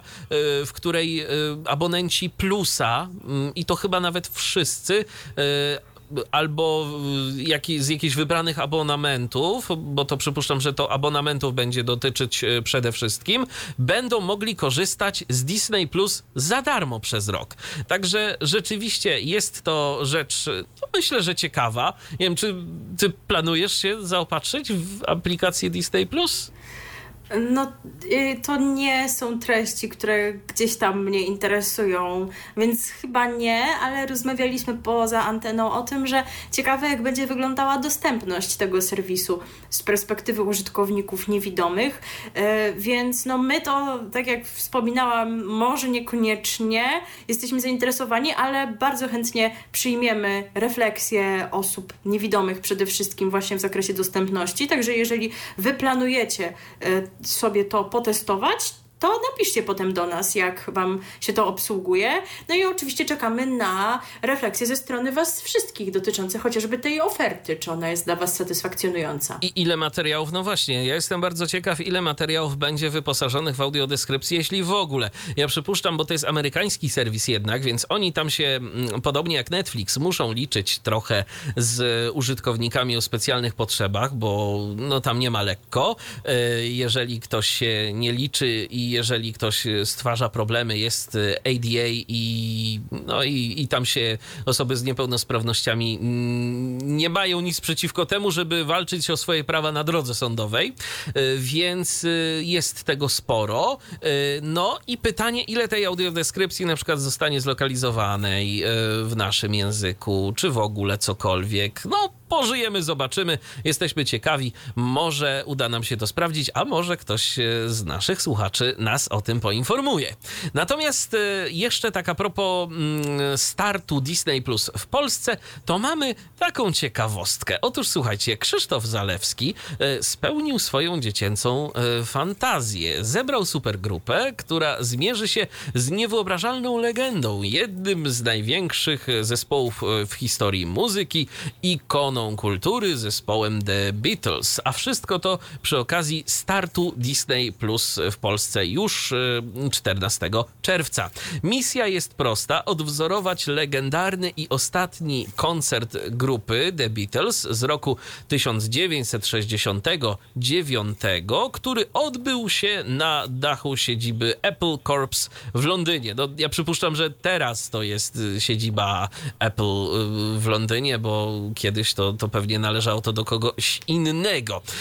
To właśnie tym wydarzeniem zajął się Peter Jackson w głośnej serii dokumentalnej The Beatles Get Back, którą będzie można zobaczyć wyłącznie w Disney+. Zajarana ekipa e, w składzie Krzysztof Zalewski, Kev Fox, Made i Tomek Ziętek. E, Jak, jak? Emadę. Emadę, Emadę. No to jest jeden z No waglewskich. tak, tak, tak. Y, Tomek Ziętek i Smolik y, stanęła przed trudnym zadaniem. Próby choreograficzne, przygotowania garderoby z epoki, poszukiwanie idealnego dachu, ale przede wszystkim próba zmierzenia się z legendą jednego z najbardziej wielbionych kwartetów wszechczasów. Y, Czy chłopakom uda się zdać egzamin z Beatlesologii? Rezultat ich zmagań można zobaczyć w specjalnym materiale wideo na Facebooku e, przygotowanym na start Disney Plus, a już w poniedziałek odbędzie się wyjątkowy koncert supergrupy, który będzie można zobaczyć na żywo w mediach społecznościowych Zalewskiego. Tam jest e, podany mm, YouTube przede wszystkim, więc przypuszczam, że tam, e, no ale pewnie jakiś Facebook i inne mm, media, które pozwalają na strumieniowanie, ale na pewno będzie emitowany ten koncert w serwisie YouTube. No a we wtorek e, w Disney Plus pojawi się wspomniany już przed momentem dokument The Beatles Get Back, który opowiada o oryginalnym koncercie Beatlesów. Więc jest co oglądać, jeżeli jesteście miłośnikami mm, Beatlesów, no to, to, to, to może, to, to może i tak, chociaż Rozumiem, że jesteś tym człowiekiem, który mówi Beatlesów, a nie Beatlesów, okej? tak, dobrze, tak, tak. dobrze się czegoś o tobie dowiedzieć po kilku latach. No ja jak najbardziej lubię Beatlesów, Beatlesów, ale, ale e, nie, nie wiem, czy mnie interesuje i przekonuje ta idea odwzorowywania koncertów. Może gdybym widziała to jakoś bardziej. Sam fakt odwzorowania scenerii jakoś by mnie jarał. ale pośpiewają, tak, no, i to- co? No to nie, już. nie oni pierwsi, nie ostatni. Dokładnie. Tak czy inaczej, e, zastanawialiśmy się, co by wam tutaj zagrać. Jakoś stwierdziliśmy, że mimo to, że sam Disney swój start w Polsce reklamuje za sprawą takiego koncertu, to jakoś tam głupio o Disneyu mówić, ilustrując to piosenką Beatlesów, bo się jedno z drugim mimo to jakoś szczególnie nie kojarzy. Więc sięgnęliśmy po tę ofertę, którą oni będą mieć dla swoich użytkowników i Michał Wam powiedział o tym, że między innymi wśród tych wielu dostępnych produkcji będzie seria Toy, Toy Story. Story. No i właśnie z filmu Toy Story 4 pochodzi pewna popularna dosyć piosenka, no bo takich hitów disneyowskich z bajek to jest naprawdę wiele, takie wiecie, du duże songi, e, król, król Lew i te sprawy, ale u nas będzie no tak myślę, że całkiem sympatycznie i, I to pogodnie. jeszcze po polsku. I to jeszcze tak w wersji polskiej, której tytuł brzmi Ty drucha we mnie masz, a głosu użyczył tutaj Stanisław Sojka. Piosenki sprzed wielu lat i kilku dni. Radio THT. Przyjemnie się tu siedzi, ale czas powoli kończyć e, nasze dzisiejsze spotkanie ale nie z tak wami. tak prędko jeszcze, ale bo to, że to jest ostatnie wejście, to nie znaczy, że my stąd wyjdziemy Dlatego za pięć minut. Dlatego ja mówię powoli, powoli, no spokojnie. Jeszcze jesteśmy yy, i jeszcze mamy dla was kilka informacji związanych z radiem. Tak, radio wreszcie to jest ten czas. W końcu to R bo w końcu to R. I właśnie teraz przyszedł czas na kilka informacji związanych z tym R, bo jakoś tak się ich trochę zebrało i je sobie skumulowaliśmy w jednym wejściu. I zaczniemy od R internetowego, bo wcześniej byliśmy w internecie za sprawą Disney+, to w internecie pozostaniemy, e, przy radiu Nowy Świat konkretnie, które to od poniedziałku nadaje według nieco zmienionej ramówki i tak najpierw poinformowano o tych zmianach, ale przynajmniej ja nie od razu skojarzyłam, czym one są powodowane. Ale jak to się wszystko przeanalizowało, no to można było do tego dotrzeć, e, czego one są wynikiem, a ich wspólny mianownik to jest to, że one wszystkie zastąpiły audycje prowadzone przez Bartka Winczewskiego. E, jeżeli się martwicie, co z panem Bartkiem w takim razie, czy to znaczy, że się żegna ze stacją, no to od razu powiem, że nie, wszystko się za moment wyjaśni, ale sobie zacznijmy od tych ramówkowych nowości może. A więc w poniedziałki między 10 a 11 na antenie gości gości Wojciech Mann w audycji Gra o ton. Nie wiem jak tobie, ale mnie się Gra o ton by wydawała lepszą nazwą do jakiegoś konkursu muzycznego w radiu Dokładnie, to może nie, pierwsze, moje skojarzenie, pierwsze moje skojarzenie, że pan Wojciech będzie prowadził jakiś konkurs. No nie, to nie będzie konkurs, to jest trochę inna koncepcja tego. E, otóż zmieniający się współprowadzący będą rekrutować się z młodych dziennikarzy Radia Nowy Świat, słuchaczy na trop tematu, prócz utworów muzycznych, Naprowadzać też będą dyskusje prowadzących, w których pojawią się m.in. wskazówki od pomysłodawcy tematu, którym nie będzie pan Wojciech, nie, on tu będzie przychodził na gotowe, bo to właśnie ten zaproszony gość będzie musiał wymyślić temat. Czyli to jakiś konkurs jednak tak jakby był. No coś na kształt, no ale jednak chyba nie dla słuchaczy, chyba nie z nagrodami. W pierwszym wydaniu wizytę w studiu Umana złożył Piotr Bukartyk. Ja przepraszam, nie żebym wypominała komuś wiek, ale nie wiedziałam, że Piotr Bukartyk należy do młodych dziennikarzy dziennikarzy Radia Nowy Świat, ale też mi gdzieś tam mignęło, że Marcin Mann tam się chyba pojawił, także zobaczymy, jak to będzie w kolejnych wydaniach. Może jest e... młody duchem. No, te, tego mu nie odmawiam. No i e, tutaj z kolei wirtualne media miały takie skojarzenia, rzeczywiście można je podchwycić, że ten program może kojarzyć się z prowadzonymi przez Wojciecha Mana wraz z Anną Gacek odsłon, odsłonami programów Tonacji Trójki, w, y, które, które przed laty prowadzili, dopóki y, pani Anna nie opuściła szeregów ekipy tworzącej radio na Myśliwieckiej, bo tam rzeczywiście, nie wiem czy pamiętasz, to ich wydanie też cechowało się tym, że co tydzień był jakiś temat. Co prawda on nie był tak, tajny, nie był tak. zagadką, ale mieli temat. E, no i też bardzo charakterystyczne było to, że oni sobie dogryzali mocno, więc ciekawa jestem, czy pan Wojciech i ta młoda osoba też sobie będą tutaj dogryzać, czy ta różnica ja pokoleń myślę, jednak na to nie pozwoli. Ja myślę, że to nawet nie jest kwestia różnicy pokoleń, bo przecież między nimi też była no różnica była, pokoleń, ale to trzeba się jednak jakoś dotrzeć, żeby coś takiego robić. No to właśnie. przychodząc y, i y, współprowadząc y, z kimś program od Wielkiego Dzwonu, to też nie jest tak i nie każdy ma taką naturę, nie do końca wiadomo na co sobie można pozwolić i tak dalej, i tak dalej, więc nie, myślę, że to chyba jednak nie będzie tak wyglądało. No, rzeczywiście masz pewnie rację. E, gra o ton zastąpiła rewersję, czyli audycję Bartka Winczewskiego, która zawierała nowe wersje starych przebojów. Program zadebiutował w ramówce pod koniec lutego i był nadawany, tak jak wspomniałam, no w tej porze, w której teraz jest właśnie gra o ton, czyli w poniedziałki między 10 a 11. E, w nowej, w nowej ramówce nie ma też e, audycji wtorkowej Bartka Winczewskiego, nadawanej od 22 do północy z muzyką z lat 90. Teraz w tym paśmie nadawana będzie audycja Sejsmograf Kingi Krasuskiej, do tej pory emitowana w czwartki o godzinie 23. Z kolei w to miejsce wskoczyły powidoki Brunona Jasińskiego, które były chyba dotychczas w piątki, a co będzie w piątki, to Wam o tym powiem za chwilę, bo tam będzie nowość, bo się zaraz pogubimy wszyscy w tym. Zniknął również piątkowy Świat Nowej Muzyki, emitowany od 13 do 14. E, audycja z premierowymi piosenkami. Piątkowe wydanie pasma w środku dnia zostało w związku z tym wydłużone i audycja jest nadawana od 11 do 14. No i właśnie skoro jesteśmy przy piątku, to w piątek wieczorem w radiu Nowy Świat pojawia się kolejna nowość. Mikołaj Tyczyński między 22 a 23 będzie wprowadzał słuchaczy w weekendowy nastrój w audycji Biforek. Ma ona przypominać klubowe imprezy, które miały, które miały miejsce w Nowym Jorku i w Los Angeles na przełomie lat 70. i 80. No pan Mikołaj nie ma prawa tego pamiętać, ale pewnie sporo gdzieś o tym posłuchał, poczytał i wyczuje klimat i nas w niego wprowadzi. Ciekawe, jakie to będą te biforki. Mikołaj Tyczyński serwował będzie taneczne utwory z pogranicza soulu, funku i disco. E, no to tyle, jeżeli chodzi o te zmiany w ramówce, ale teraz przechodzimy do no właśnie tego kosztem, kogo to się wszystko stało. No ale w zasadzie trudno mówić, że to jego kosztem, bo no to była jego decyzja, o czym za chwilę powiem. Pan e, Bartek Winczewski wyjaśnia dla wirtualnych mediów, e, cytuję, w porozumieniu i z akceptacją ze strony moich przełożonych pozwalam sobie na nieco dłuższą od standardowego urlopu przerwę od moich dotychczasowych aktywności w Radiu Nowy Świat. Ma to związek z moimi sprawami rodzinnymi. Dodaję, że wróci na antenę zaniepokojonych moim nagłym zniknięciem. Uspokajam, niebawem na pewno znów się usłyszymy, zapewne wydarzy się to po wakacjach. E, a ba, pan Bartek Winczewski nie tylko prowadzi audycję w Radiu Nowy Świat, ale od lutego ubiegłego roku jest także szefem muzycznym rozgłośni. Funkcję tę objął po śmierci Krzysztofa Łuszczewskiego, jednego z założycieli stacji. E, obo, obecnie, no właśnie, ktoś przecież musi sprawować e, te, te role i to, te obowiązki ktoś musiał przejąć.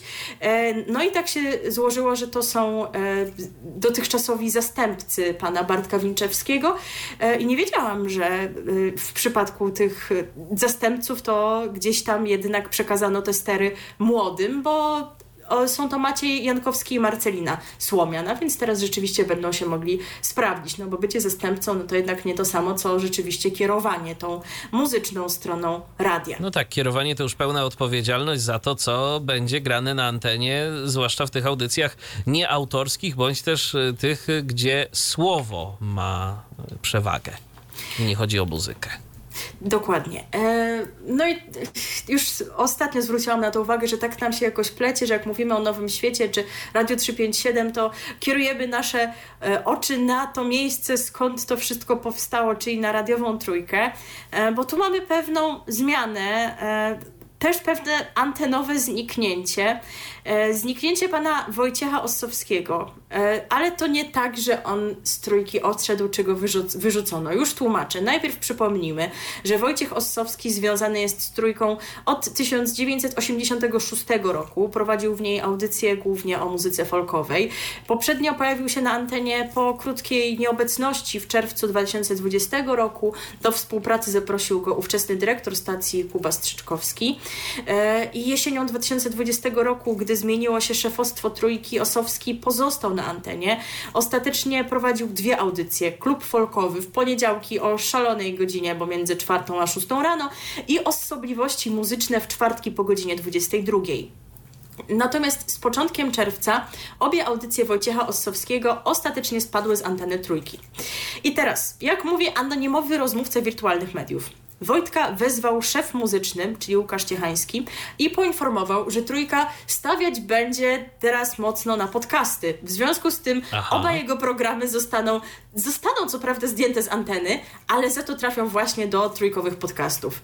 E, jakby Myślę, że pan Ossowski, no z takich czy innych powodów zdecydował się w trójce zostać i chce mimo wszystko to w tych podcastach robić, ale no nikomu prawdopodobnie rozumnemu nie da się wcisnąć tego, co pan Ciechański próbował, żeby ten ktoś w to uwierzył i jednak wiadomo, że to jest degradacja. No co tu jest to degradacja mówić. oczywiście, chociaż pytanie, y, czy wielka jest różnica między mm, słuchalnością trójki z powietrza, a słuchalnością tych podcastów z internetu. No, no nie, no mimo to na pewno, no, na, pewno. na pewno jest jakaś.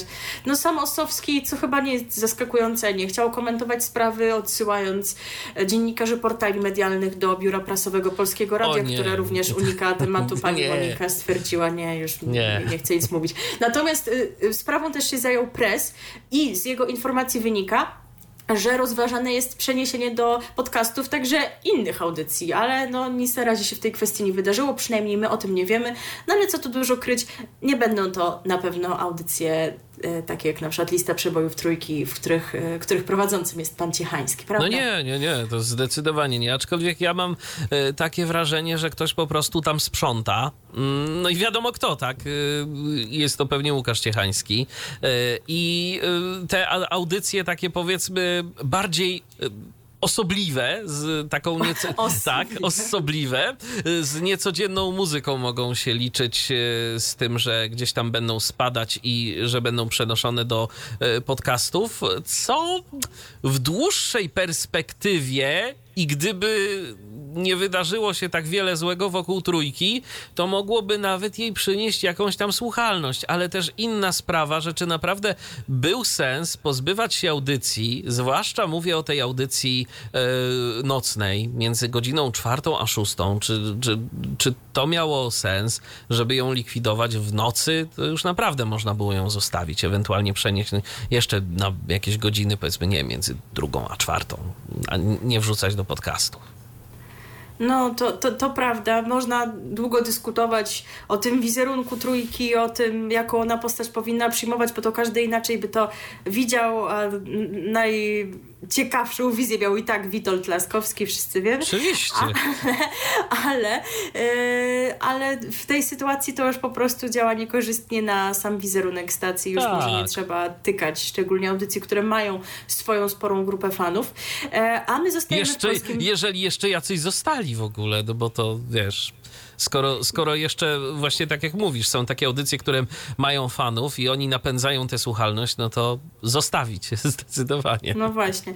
A tymczasem przenosimy się do radiowej jedynki, żeby nie było tak smutno, bo e, w radiowej trójce o jeden głos mniej na antenie, a w radiowej jedynce o jeden głos więcej. No i to znany głos. Prezenter o, tak. telewizji polskiej Maciej Kurzajewski dołączy do grona prowadzących audycję w programie pierwszym Polskiego Radia. Tak ustalił pres serwis. Maciej Kurzajewski ma być jednym z gospodarzy przedpołudniowego pasma cztery pory roku, które na wakacje oczywiście wiadomo zmienia się w lato z radiem. Kurzajewski e, prawdopodobnie zadebiutuje jeszcze w czerwcu, tak ustalił press serwis. Z kolei e, bardziej precyzyjnie sprawę e, potraktowały wirtualne media i ustaliły, że od 16 czerwca Maciej Kurzajewski ma zasilić ekipę radiowej jedynki. Będzie to kolejny dziennikarz telewizji polskiej, który nawiąże współpracę z polskim radiem. W tym gronie są m.in. Bartłomiej Graczak, Marta Piasecka, Łukasz Sobolewski. Ostatnio do zespołu radiowej Trójki dołączyli natomiast, no właśnie, Dawid Wildstein, on został wicedyrektorem anteny i Marcin Darmas jako szef redakcji Słowa, a wcześniej obaj kierowali TVP World. Maciej Kurzajewski jest dziennikarzem sportowym sportowym TVP i jednym z prowadzących pytanie na śniadanie w telewizyjnej dwójce. E, z telewizją publiczną jest związany od 2002 roku, no czyli już ładnie 20 lat, a teraz czas na nową przygodę, bo chyba w radiu to nigdy go nie dało się usłyszeć. Chyba nie, aczkolwiek udzielił jakiegoś wywiadu wirtualnym mediom, tam właśnie pisał o tym, że on bardzo chętnie e, opowiadał o tym, że, że radio gdzieś tam mu po tej głowie chodziło. No i chyba rzeczywiście e, można, wiecie, lubić lub nie, szczególnie jako postać e, aktywną bardzo obecnie, również w obecnej telewizji polskiej, od chociażby w roli prowadzącego jednego z koncertów w Opolu, ale jako taka postać to chyba pasuje do tej radiowej jedynki. Tak. Pewnie też się znajdą niezadowoleni na pewno, ale gdzieś tam myślę, że może się wpasować w ten klimat. Zobaczymy, jak mu to wyjdzie, ale jest na to szansa. My na pewno wrócimy do radiowej jedynki w najbliższym czasie y, za sprawą wspominanego przez Ciebie przed momentem lata z radiem bo już coraz więcej szczegółów jest znanych, od chociażby to, że nie będzie w tym roku letniej trasy koncertowej, że lato z radiem gdzieś tam będzie zaangażowane w temat solidarności z Ukrainą, ale to, że nie będzie trasy e, koncertowej nie oznacza, że redaktorzy nie odwiedzą kilku miejsc w Polsce. Jak się dowiemy jeszcze więcej, to na pewno się do lata e, z radiem odniesiemy szerzej, też zgodnie z naszą tradycją.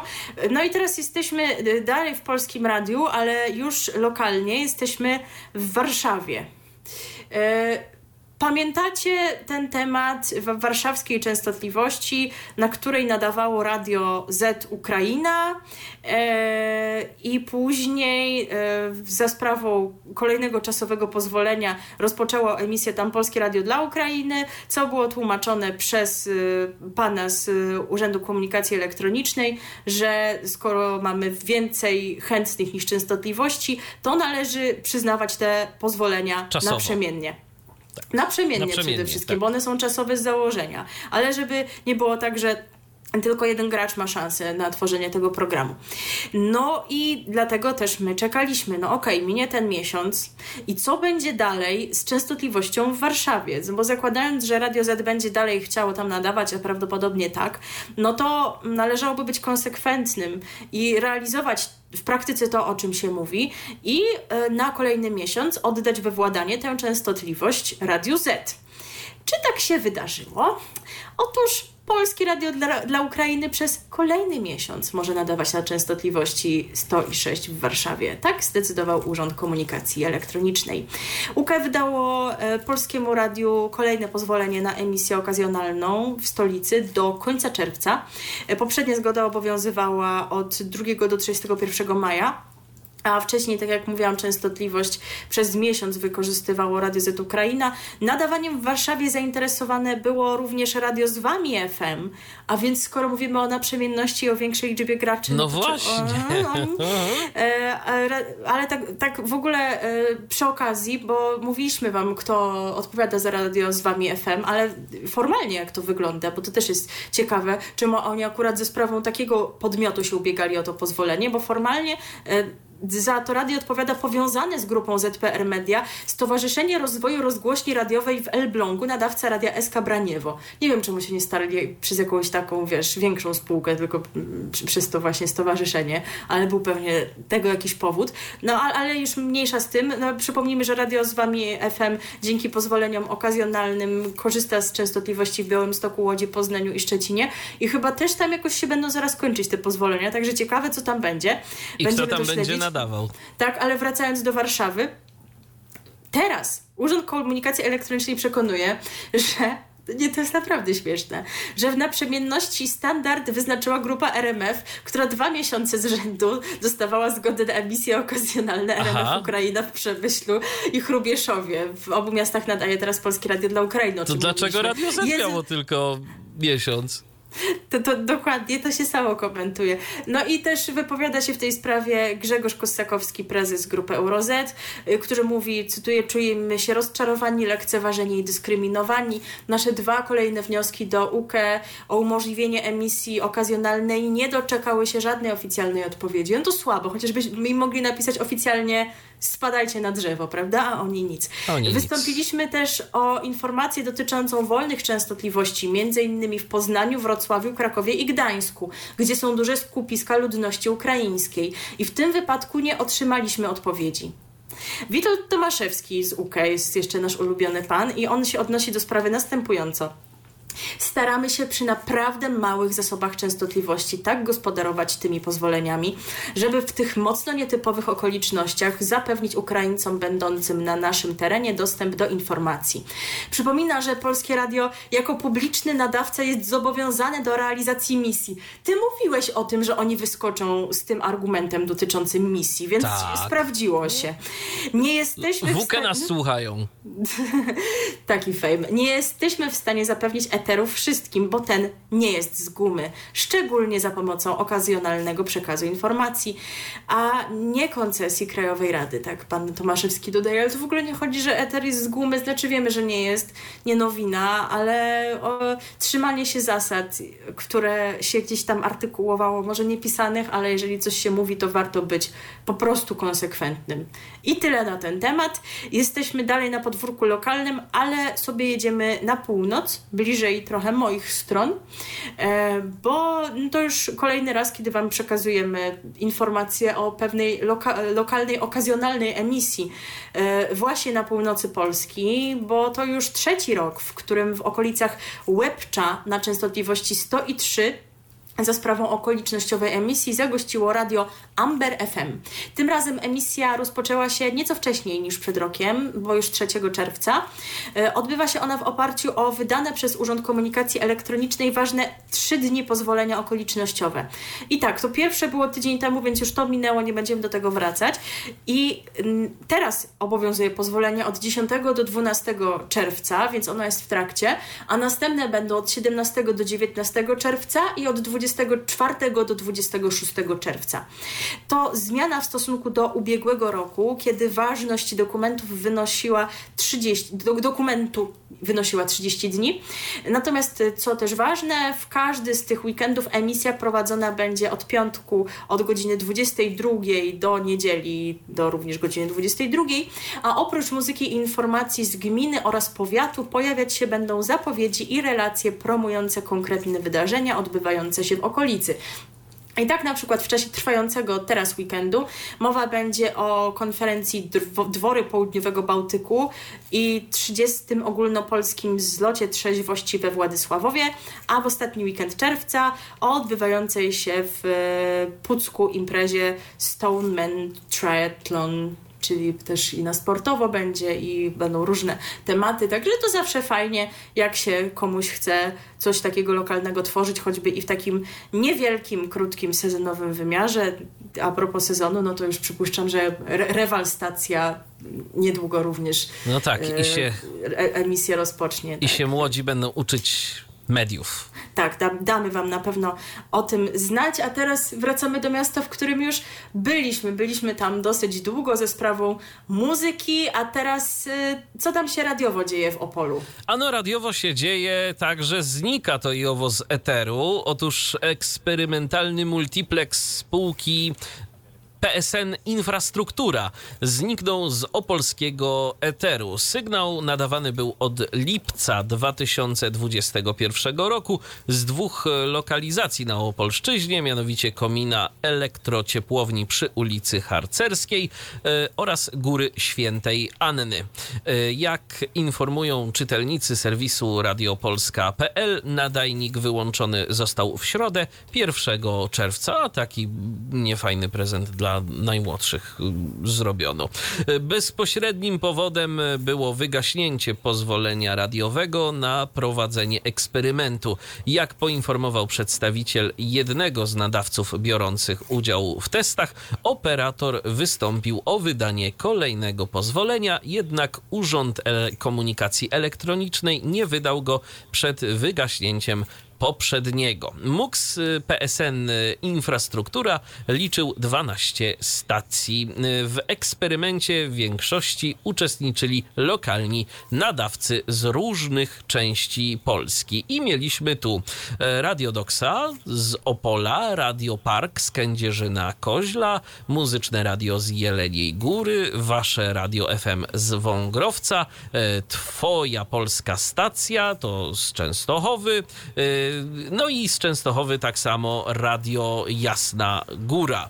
E, Radio Profeto to z kolei z Małopolski, no i także cyfrowe stacje brały udział w tym multiplexie, które nigdzie na analogowych falach nie nadają. Radio Imperium, Disco Radio, Mega Radio, Radio Nuta i Radio Bezpieczna Podróż. I zakończymy smutną dosyć informacją. E, otóż w wieku 64 lat zmarł prezenter radiowy Przemysław Frankowski, e, znany radiosłuchaczom pod taką ksywą Dżadża, Przemysław Dżadża Frankowski. On swoją radiową karierę rozpoczynał w Poznaniu, w tamtejszym radiu Solidarność, czy późniejszym radiu S, bo tak właśnie radio SK powstawało i my go tam słyszeliśmy, bo dane tak nam było jest. niegdyś słuchać pewnych archiwaliów z poznańskiego radia S z lat 90.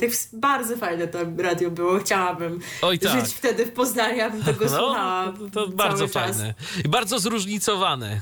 Tak.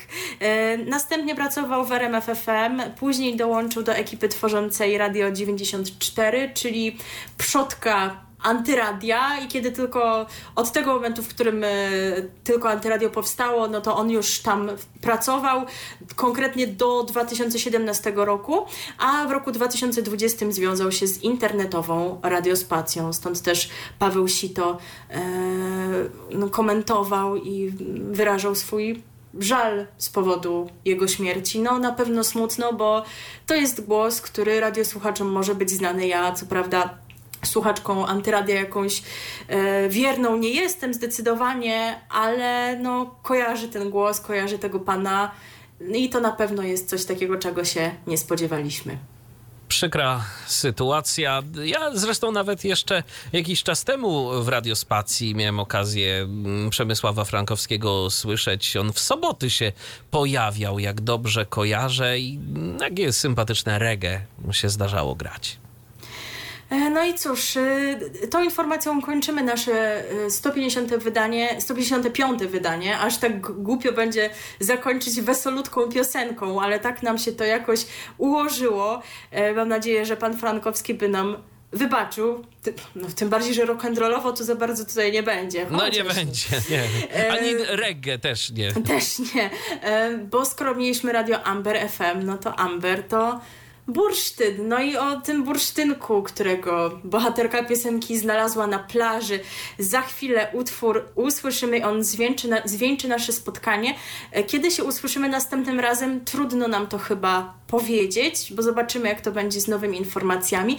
To, co na pewno się szykuje gdzieś tam na horyzoncie to jest premiera nowego serialu Netflixa z Andrzejem Sewerynem. Chyba ta premiera będzie miała miejsce 23 czerwca, więc jeżeli usłyszymy się za tydzień, to tę premierę zapowiemy. Jeżeli nie, no to powiemy o niej później. Przecież to serial Netflixa, więc zawsze można do niego wrócić, a być może Michał jako użytkownik serwisu znajdzie chwilkę, żeby na ten serial pod tytułem Królowa zerknąć i podzielić się z wami swoją opinią. Czemu no. by nie? Zobaczymy. No i na, na pewno, skoro to polska produkcja, to będzie można na audiodeskrypcję liczyć. No dokładnie, dlatego tym bardziej myślę, że tak. będziesz mógł zerknąć. Na co jeszcze się szykuje? No czekamy na różne wieści właśnie, chociażby dotyczące lata z radiem. Zobaczymy, kiedy nas stacje radiowe poinformują o swoich wakacyjnych ramówkach. No oczywiście w czasie wakacji będzie się dużo działo, mimo że to sezon ogórkowy, bo już też TVN zapowiedział swój festiwal w Sopocie, ale to dopiero w sierpniu od 16 do 18 sierpnia konkretnie. O tym wszystkim oczywiście Was będziemy informować. No i właśnie w takim wakacyjnym, plażowym klimacie Was zostawiamy i również e, idziemy w taki wakacyjny klimat się wprowadzać i odpoczywać po trzech godzinach opowiadania dla Was o najważniejszych, najciekawszych wydarzeniach radiowych i telewizyjnych, a jak zwykle w tej e, roli e, opowiadaczy o telewizji i radiu wystąpili dla Was Michał Dziwisz i Milena Wiśniewska. Do usłyszenia. RTV. O radiu i telewizji wiemy wszystko. Co jest w telewizji grane? Czym radia szumią fale? Jeśli wiedzieć będziesz chciał, włącz po prostu RTV. W każdą sobotę od 16 na antenie radia DHT. O aktualnych wydarzeniach związanych z radiem i telewizją opowiedzą Milena Wiśniewska i Michał Dziwisz. Był to Tyflo Podcast. Pierwszy polski podcast dla niewidomych i słabowidzących. Program współfinansowany ze środków Państwowego Funduszu Rehabilitacji Osób Niepełnosprawnych.